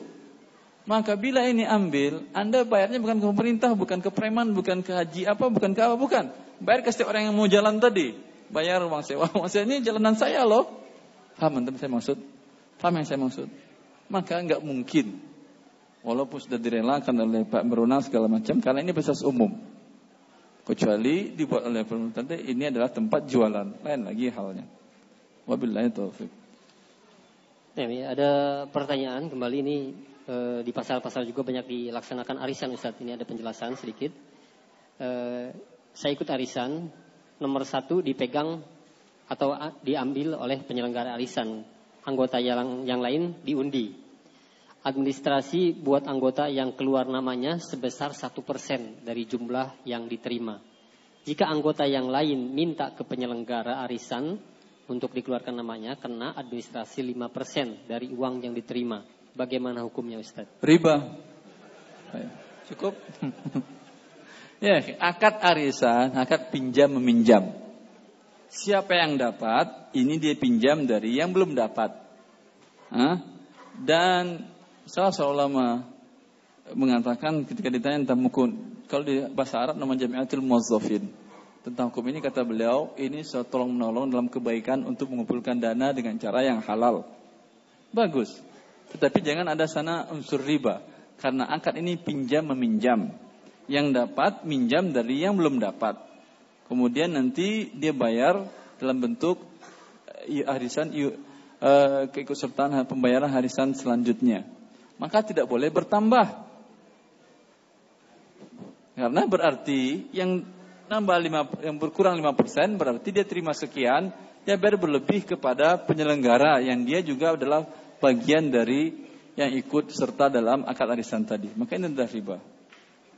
Tapi kalau dia didahulukan gilirannya tanpa ada pertambahan, tanpa ada pengurangan haknya dia, maka boleh insya Allah taala. Wabillahi taufik. Ya, nah, baik. Untuk selanjutnya ini ada pertanyaan dari seorang pegawai. Ustaz, bagaimana hukum gaji yang saya terima? Sebagai apa? Uh, hukum apa sih? Gaji yang saya terima. Ya. Saya karyawan bekerja di bagian umum, sedangkan keseharian saya banyak kosongnya, yaitu nganggurnya. Karena uh, bekerja hanya duduk saja. Kadang saya gunakan waktu untuk keperluan pribadi. Eh, banyak kosongnya. Berarti Anda digaji untuk kosong. Alhamdulillah ya, Anda orang yang mulia. Orang digaji untuk sibuk mengerjakan ha, pekerjaan yang diberikan oleh pemberi gaji kepada kepada orang tersebut. Anda tidak digaji untuk diam saja. Kosong, alhamdulillah. Ya, bila tujuan ini biasanya umpamanya pihak keamanan kali ya. Jadi untuk diam, untuk memperhatikan. Sebetulnya bukan diam, memperhatikan juga. Bolehkah waktu-waktu ini digunakan untuk untuk kegiatan pribadi seperti SMS? Hah? WA dan lain-lain boleh, tapi izin dulu kepada yang mempekerjakan Anda. Boleh nggak saya gunakan waktu itu senggang untuk WA atau baca sampai pun baca Quran? Kalau diizinkan oleh dia nggak ada masalah. Karena bagaimana Anda pencuri sedang beraksi pada saat Anda sedang asik WA? Hah? Zolim Anda kepada pemberi gaji Anda ini tidak halal. Tapi kalau diizinkan dia, ternyata kecurian, dia bilang kan Anda mengizinkan saya WA di waktu senggang. Taib. Allah ibarik. Harus izin dulu kepada pemberi kerja Anda. Tapi secara secara moral kerja tidak ada hak Anda untuk menggunakan pesan pribadi tadi karena sudah digaji Anda untuk diam. Ya. Tapi kalau Anda gunakan dengan berzikir tidak ada masalah yang tidak mengganggu aktivitas untuk apa Anda digaji tadi. Wabillahi taufik. Ya baik, untuk selanjutnya ada pertanyaan Ya Ustaz, apakah boleh hutang pihutang sebagai berikut? Kita meminjamkan emas dengan jaminan tanah yang boleh digarap dan hutang baru dapat dibayar setelah tempo 30 tahun. Kalau tidak boleh, bagaimana penyelesaian Ustaz? Mengingat hal tersebut sudah berlangsung selama 10 tahun. Eh, ini banyak di Sumatera Barat ini kan ya? Jawa Barat juga banyak, saya kira tempatnya juga banyak ha, pinjam uang, ya, selagi uang atau emas belum dikembalikan, barang gadaian digunakan oleh si pemberi pinjaman. Ya. Ini yang riba. Ini dia riba. Kenapa? Karena tanpa pinjaman dia saya berikan pinjaman kepada beliau 10 juta. Hah? Dia berikan sawahnya sebagai jaminan. Dan sawahnya saya yang garap. Atau motornya sebagai jaminan. Motornya saya yang pakai. Saya rentalkan. Atau mobilnya saya pakai, saya rentalkan. Tanpa pinjaman 10 juta ini, mungkinkah dia menyerahkan sawahnya untuk saya pakai? Tidak. Kalau iya, nggak apa-apa. Biasa kok saya minjam sawah dia, sekali dua kali bisa kok motornya saya pakai dua bulan tanpa minta upah ah, mobilnya saya pakai tanpa minta upah biasa. Kalau biasa boleh. Tapi nggak mungkin dia menyerahkan barang-barang jadanya ini dan mengatakan saya walaupun dia mengatakan saya ikhlas saya redho eh kalau gitu jadi halal ikhlas redho tidak. Bukankah bank riba itu mengatakan ikhlas dan redho memberikan pinjaman riba kepada anda? Dan Anda juga ikhlas dan redho bayar bunga ribanya. Ikhlas saya. Halal, tidak halal. Karena bukankah A dan B berzina juga saling redho. Jadi halal dia tidak. Bila Allah mengharamkan Anda redho tidak ada guna keredoan Anda. Allah yang marah dari awal. Hah? Maka ini adalah riba. Karena yang dibayarnya ketika dibayar dia 10 juta, dia bukan bayar 10 juta ke saya. 10 juta bertambah dengan sewa ini selama ini gratis. Anda saya pakai setahun, mobil sebulan berapa sewanya? Sampai 100 juta? 3 juta. 3 juta berarti 3 bulan lunas sudah hutang. Kembalikan mobil, ah, udah lunas hutang. Jelas. Apalagi tadi 30 tahun sawah tadi ya ini seharusnya yang minjamin uang dia yang berhutang sekarang. sewa sewa sawah tadi selama berapa waktu tadi. Maka perhitungkan. Sekarang kalau anda ingin islah, kalau ingin memperbaiki bertobat, biasanya Ustadz itu dulu dulu, dulu kami enggak. Alhamdulillah kami enggak kami tahu. Tapi sekarang gimana penyelesaiannya? Penyelesaiannya adalah seperti yang saya katakan tadi. Yaitu perkirakan berapa bagi hasil sawah ini Kan biasanya untuk pemilik berapa? Dua per tiga kan ya? Ya sepertiga untuk si pengelola. Ya, sepertiga untuk si pengelola. Dua per tiga yang milik anda ini kan diambil oleh pengelola juga kan ya? Berapa angka rupiahnya? Angka dua per tiga tersebut selama ini sama dengan nilai hutang, habis hutangnya. Anda berlebih dari nilai hutang, minta kembaliannya dan wajib dikembalikan dalam sepuluh kalau tidak jadi riba dia. Kalau kurang, tinggal tambah atau pakai lagi sekali lagi Mama tinggal kurang sekali lagi, udah pakai sekali, insya Allah lunas hutang. Jelas? Ya baik. Untuk selanjutnya ada pertanyaan, ya Ustaz bagaimana perhitungan zakat perniagaan? Apakah dihitung berdasarkan total aset ataukah keuntungannya saja? Eh, Alhamdulillah ada yang bertanya tentang zakat. Saya khawatir nggak ada yang bertanya karena ini bisa merugikan. Tidak, zakat tidak merugikan Anda. Zakat akan bersihkan harta anda dan akan menumbuhkan harta anda. Allah yang merugi, yang dirugikan, yang dihancurkan oleh Allah adalah, adalah riba. Zakat ditumbuh kembangkan oleh Allah harta anda. Yamhaqullahu riba wa yurbis sadaqat. Allah hancurkan riba, Allah habiskan harta riba, adapun harta yang dizakatkan kata Allah Subhanahu wa taala tumbuh kembangkan. Lihat cara berfikir Anda perbaiki sesuaikan dengan ketentuan Allah. Allah mengatakan, dalam rasio Anda saya pinjamkan uang 10 juta.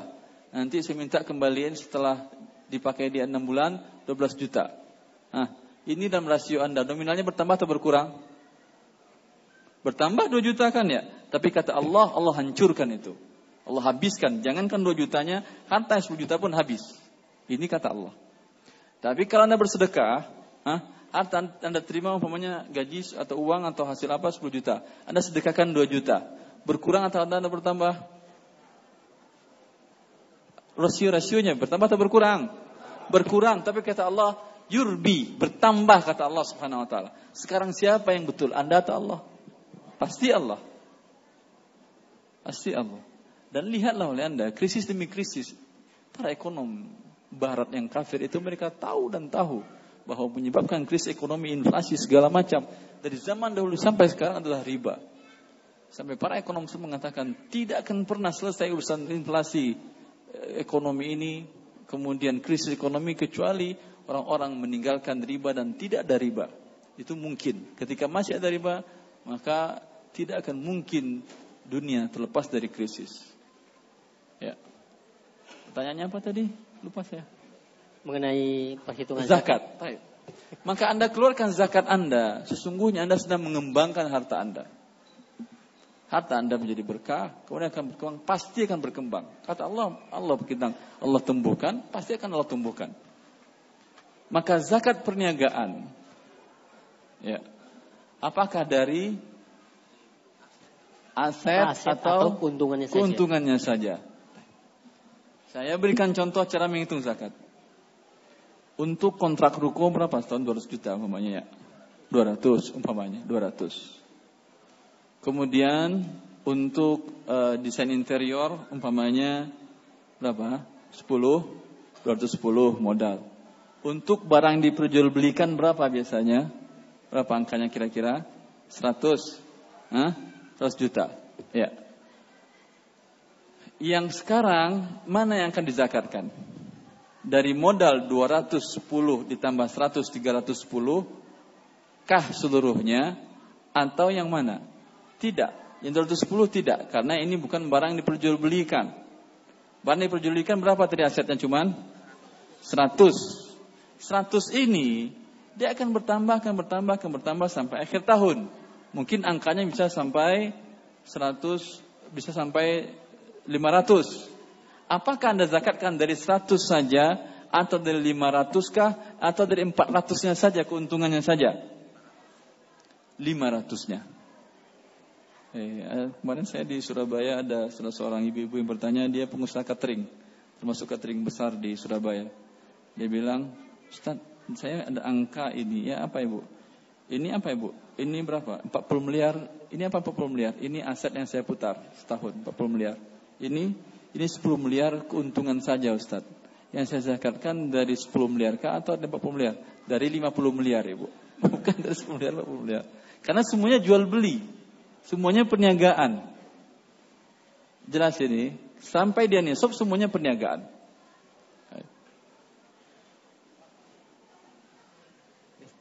Boleh tanya langsung.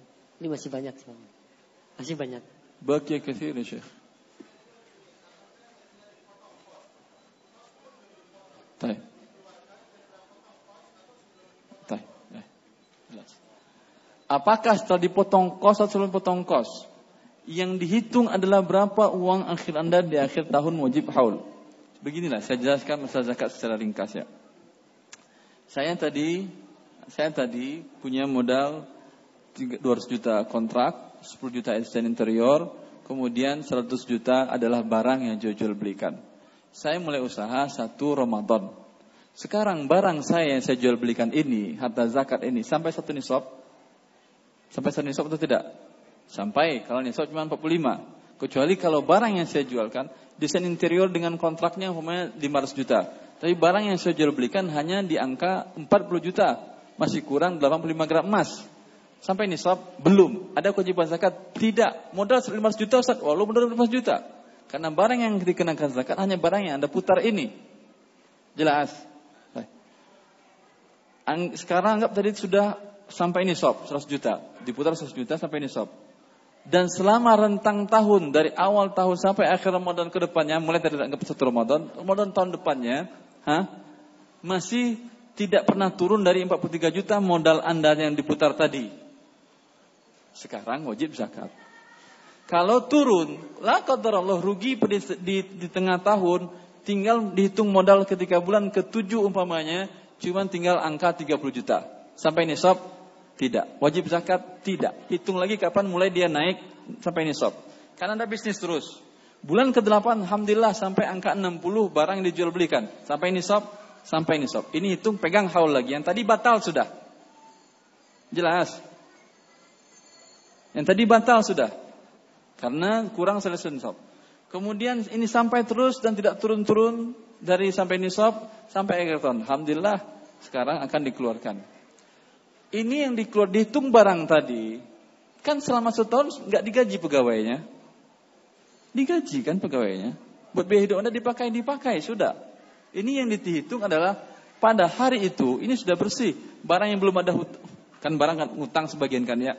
Kalau barang yang ngutang, ya, kalau tidak Anda bayarkan akan mengurangi tidak akan mengurangi nisab. Tapi kalau Anda bayarkan berkurang dia. Paham? Umpamanya ini tadi angka 100 juta. Bayarkan hutang umpamanya ada hutang sekitar 70. Ah, ini uang cash 70 atau ini berbentuk barang atau apa pun namanya Anda bayarkan sehingga berkurang aset Anda, berkurang nisab tidak ada wajibkan zakat. Tapi masih dalam bentuk barang Anda kan Anda sudah beli. Bukan nitip, kecuali nitip jangan hitung zakatnya, biar dia ngitung. Tapi kalau dengan akad beli kan berpindah kepemilikan yang pada Anda, risiko dengan Anda. Paham? Dengan demikian, hitung barang yang ada, lihat cash yang ada uang cash, ah, semuanya dikeluarkan zakatnya. Itu tentu setelah dibayar gaji-gaji pegawai. Nggak mungkin setahun nggak anda bayar gaji pegawai. Jelas ini? Nah. Ustaz, dia masih berbentuk barang Ustaz. Boleh anda keluarkan barang dalam bentuk zakat dalam perniagaan. Tapi sebaiknya adalah uang. Tapi kalau anda ingin keluarkan barang, repot Ustaz menjualinnya. Ya udah, keluarkan barang tadi, tapi akan repot anda dengan membagi persennya. Dua setengah persen ada baju lebih satu. Gimana? Dipotek. Baik, maka sebaiknya dalam bentuk uang. Allah barik fik. Ya, mungkin uh, tadi dibicarakan ada yang mau bertanya langsung. Silahkan. Assalamualaikum. Assalamualaikum warahmatullahi wabarakatuh. Ustaz, uh, ya, uang yang saya putarkan ya. buat semuanya kan hitung zakat. Kenapa Pak? Uang yang saya putarkan? Iya, semua aset sama apa modal-modal saya semua kan buat nanti jualkan zakat. Modal-modal semua dikeluarkan zakat? Ya. Setelah ada, uh, uh, sampai waktunya, kita kan keluarkan zakat semuanya. Eh, apa yang maksud, maksud Bapak dengan aset itu? Uang. Uang saja. Oh, bukan aset ya, maaf. Uang, uang. Uang saja. Ah, uang. Punya, Jadi uang ini sebentar kalau punya ruko Enggak, enggak ruko. Enggak, uang, ruko, uang saja. Asal saja. Uang saja. Sekarang saya pergunakan uang ini buat renovasi rumah. Buat rumah ini buat uh, rumah produksi saya. Ya. Apakah nanti saya keluarkan juga zakatnya nanti Ustaz? Eh. Uang kemudian dikeluarkan untuk produk, rumah produksi, bikin ya. rumah, beli tanah segala macam. Bukan. Rumah Hanya produksi saja. Rumah produksi, rumah buat tempat dia kerja kerja. Tempat bekerja, dibuat hmm. itu. Hmm. Iya. Ini sekarang rumahnya mau dijual atau tidak? Tidak. Tidak. Berarti bukan harta perniagaan dan tidak ada zakat rumah. Jelas. Tapi kalau umpamanya rumah produksi ini memang dibuat, tapi siapa yang membeli silahkan beli. Angkanya disetujui, berarti ini barang dagangan. Tapi kalau hanya untuk sebagai rumah produksi tidak ada zakatnya. Kalau gitu bisa dong Ustaz orang lagi dari zakat setiap punya uang sampai nisab beli tanah. Hah? Beli rumah lagi, beli apartemen. Ya silahkan. Silahkan. Asalkan jangan niatnya lari dari zakat. Dia ingin investasi yang lain boleh. Kecuali kalau dia niatkan apartemen itu apa gunanya untuk tempatnya? Tidak. Tapi kalau ada yang beli harganya sudah naik, saya jual. Hah? Ini berarti masuk barang dagangan. Kena zakat. Jelas? Allah barik Terima kasih. Allah salam. Ya, ada lagi ya kita akan berikan kesempatan. Assalamualaikum. Assalamualaikum warahmatullahi wabarakatuh. Ustaz, saya mau tanya. Iya, Pak. Kita ini kan pedagang. Iya, Pak. Jadi dalam transaksi itu ada orang belanja itu pakai giro. Pakai giro. Seandainya gitu. Eh. Sedangkan giro itu nantinya dijual dengan orang. Sebentar, sebentar. Giro ini kapan bisa dicairkan? Misalkan sebulan jangka waktunya. Sebulan jangka waktunya. Ke ke B gitu. Sedangkan B ini ditukarnya dengan orang. Tukar dengan orang. Iya, itu kan kena bunga itu. Sebentar, angka gironya umpamanya 100 juta. Iya. Cair sebulan lagi. Iya tukar ke orang bisa dapat berapa? 9 Enggak, yang nerima itu ditukar dengan orang lain. Apakah kita ini kena juga gitu? Seandainya gini, saya orang belanja dengan saya misalkan. Orang ah, belanja ke Anda? Ya. Ya, pakai giro. Ya, giro. Satu bulan cair. Nah, sudah tuh saya bikin dengan orang produksi. Saya kasih Anda giro. bayar lagi ke dia dengan itu. Ya, yang Dihitungnya sama uangnya atau berkurang? Sama. Gironya sama. Eh. Jadi yang produksi tadi dijualnya dengan orang yang beli gitu. Gimana itu hukumnya? Jual giro gitu. Sebentar, sebentar saya berusaha memahami. Anda jual dan orang bayar pakai giro. Ya. Lalu angkanya anggap 100 juta, Ya. cair satu bulan. Ya. Lalu Anda serahkan giro ini kepada si orang supplier Anda. Produksi. Sana ya, produksi lah gitu. Supplier boleh juga. Ya orang yang masukin barang pada Anda, yang Anda beli barang pada Ya. dia. Ini angkanya 100 juta juga kan ya? Ya. Ya. Kalau masih angkanya sama, boleh. Kalau angkanya masih sama, boleh. Tapi kalau angkanya tidak sama, karena umpamanya dia ingin uang tunai, silahkan nggak masalah bagi saya 98 silahkan. Ini jadi tidak boleh dia tukar menukar yang tidak tunai.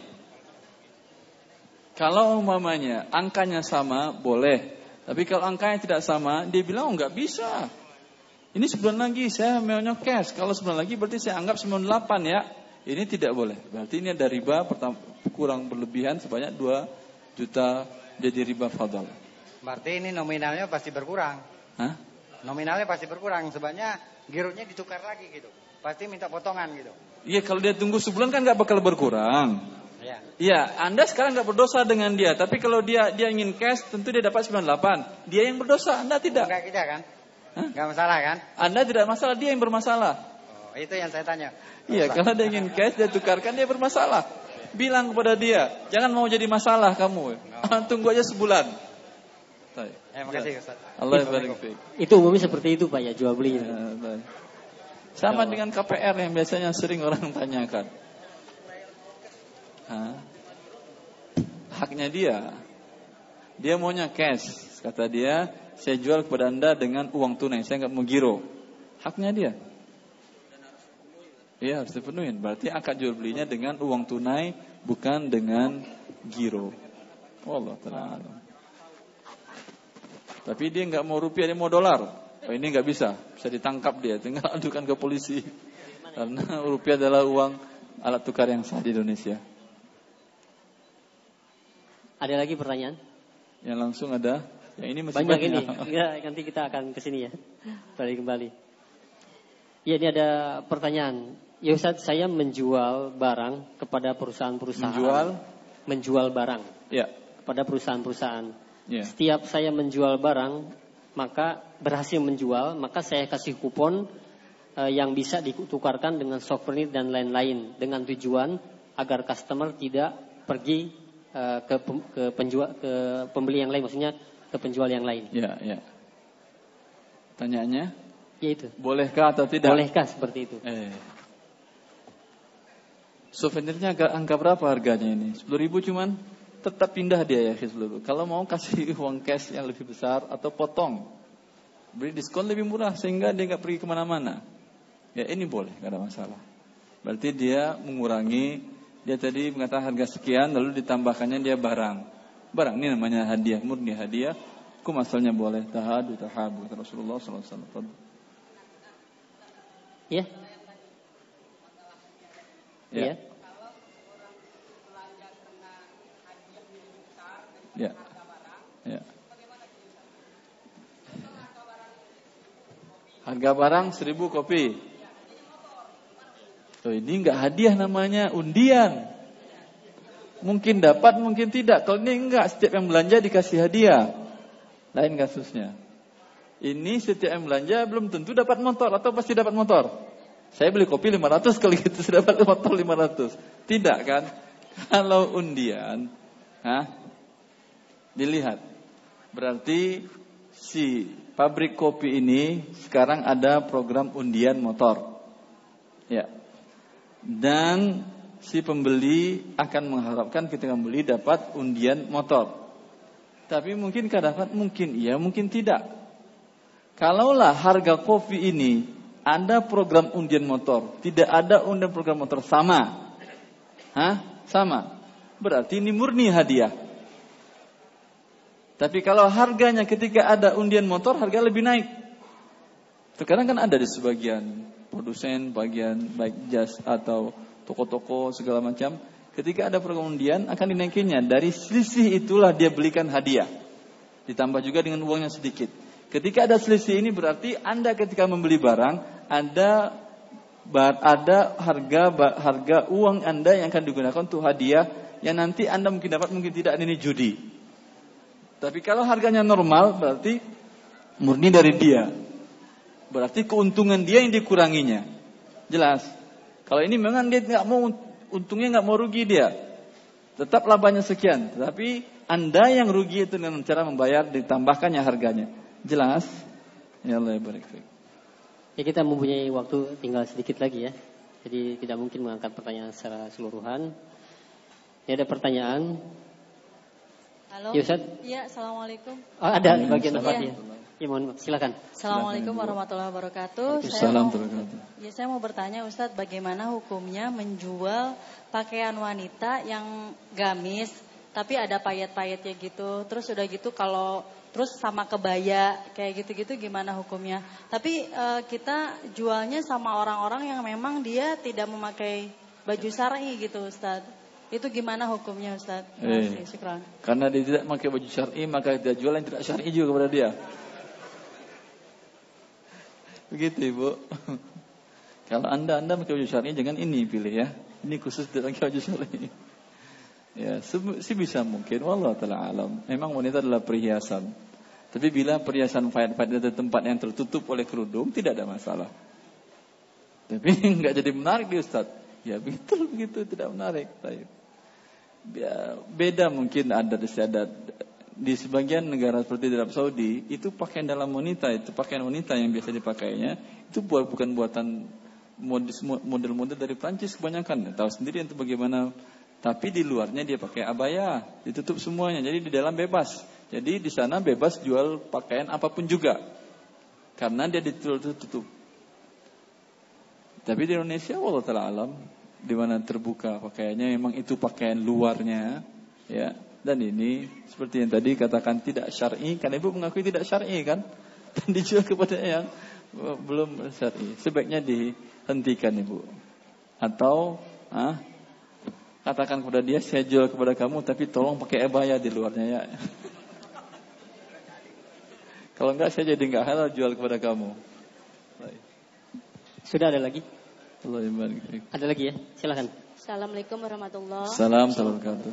Uh, Pak Ustadz, uh, di toko saya itu menggunakan mesin edisi perbankan.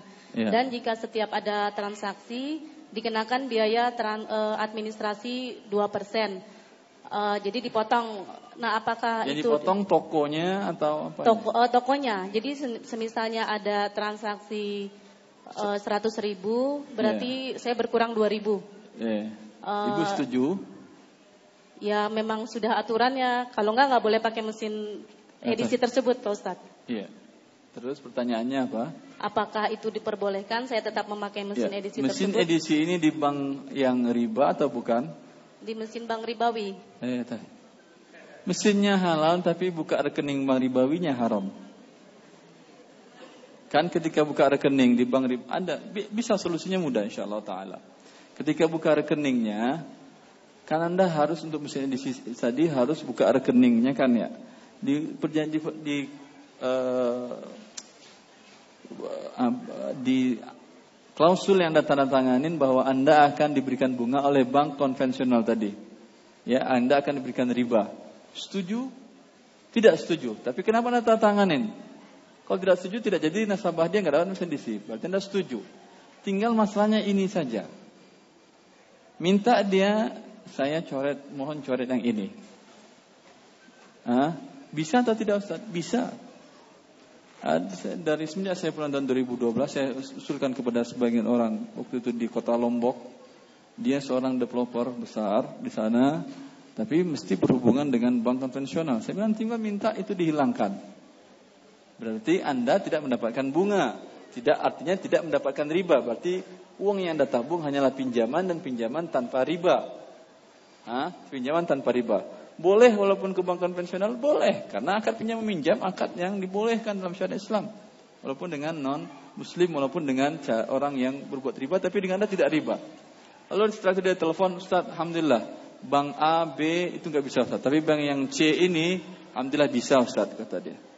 Bisa dihilang, dihapuskan itu. Dengan demikian, semua jasanya dia edisi jadi boleh.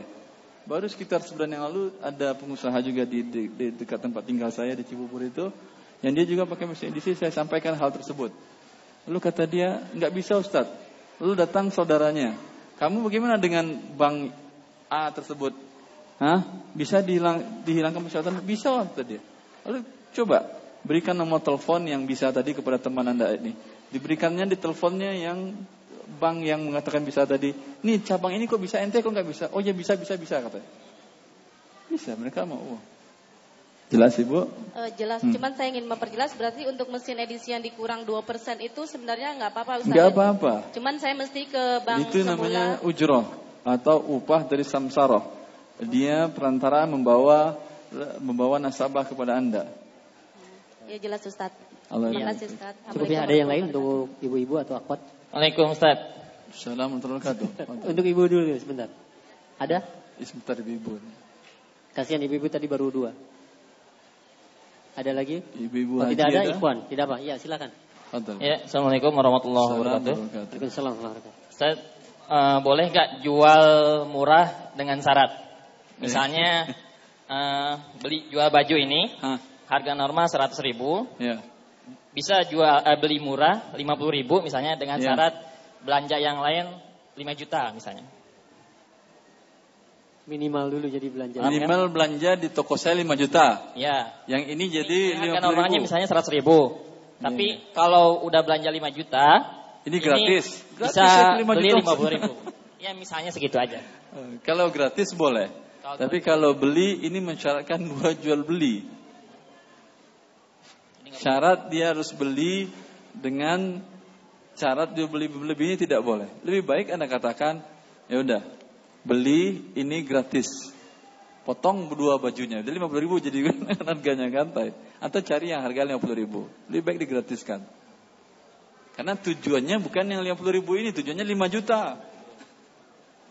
Allah barik fiik. Assalamualaikum Ustaz. Assalamualaikum. Ini pertanyaan terakhir ya. Jamil. Iya.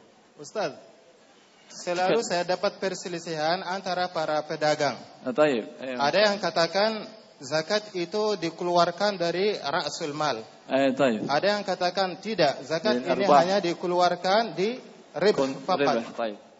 Yang sahih yang mana Ustaz? Eh. Barakallahu fiik. Allah barik Beliau bertanya, ada yang sebagian pedagang mengeluarkan zakat hanya dari laba saja, laba bersih. Labanya umumnya satu miliar, satu miliar saja. Ada yang mengatakan tidak laba bersih ditambah dengan modal. Kalau modal 4 miliar berarti 5 miliar. Mana yang betul kata beliau? Tidak ada yang betul. Tadi sudah saya jelaskan kan ya. Siapa yang bisa jawab mana yang betul? Bukan dari modal dikeluarkan. Tapi dari aset yang diputar. Seperti yang saya katakan tadi. Modal bisa 1 miliar. Sewa ruko 500 juta setahun. Nah, ini dikeluarkan ke zakat atau tidak? Tidak, karena akan dipakai. Tapi ini modal atau tidak ini namanya? Modal. Kecuali ruko ini mau disewakan lagi. Saya nyewa tapi niat nyewakan lagi. Siapa yang mau nyewa dari saya? Di angka 600 juta saya lepas. Silahkan sewa oleh dia. Kalau berarti dia akan niat menyewakan lagi. Ini menjadi dia dari uang sewanya sejuta tadi menjadi terkena zakat juga. Tapi kalau untuk dipakai tidak. Jelas. Kemudian dari angka 500 juta untuk sewa tadi, barang eh, selama satu tahun gaji karyawan sekitar 300 juta. Habis ini atau tidak sudah? 300 juta ini gaji karyawan dan lain-lain dan dan profesional habis atau tidak? Habis. Ada zakatnya? Tidak ada. Tapi modal atau tidak ini? Modal juga. Berarti zakat bukan dari modalnya juga. Kemudian untung bersih 300 juta. Hah? Yang untung bersih 300 juta berbentuk uang tunai, umpamanya 150 juta berbentuk barang 150 juta. Dari mana dikeluarkan zakatnya? Dari 150 atau dari kainnya saja atau dari uang rupiahnya saja? Dari dua-duanya sekarang. Karena yang rupiah ini adalah laba, yang asetnya yang diputar berbentuk kain 150 juta, ini barang dagangan. Satu rupiah, satu barang dagangan, dua-duanya adalah harta zakat. Digabungkan, dikali dengan 2,5 persen, dikeluarkan zakatnya. Wadih ya Syekh. Allah barik fiik. Allah yasallam. Eh, tidur lagi. Insya Allah cukup saya kira nanti. Mungkin Insya Allah. Ya, perlu itu ikhtitam yang dapat disampaikan untuk para uh, hadirin sekalian. Eh. Alhamdulillah, semoga Allah Subhanahu wa taala memberikan kita ilmu di siang hari ini dan dengan ilmu ini semoga Allah memberikan kita kemampuan untuk mengamalkannya dalam kehidupan kita sehari-hari mencari rezekinya. Dengan demikian kita berhasil mentaatinya. Dua kali ketaatan. Semoga Allah realisasikan. Allahumma amin. Subhanakallah bihamdika. Asyhadu an la ilaha assalamualaikum warahmatullahi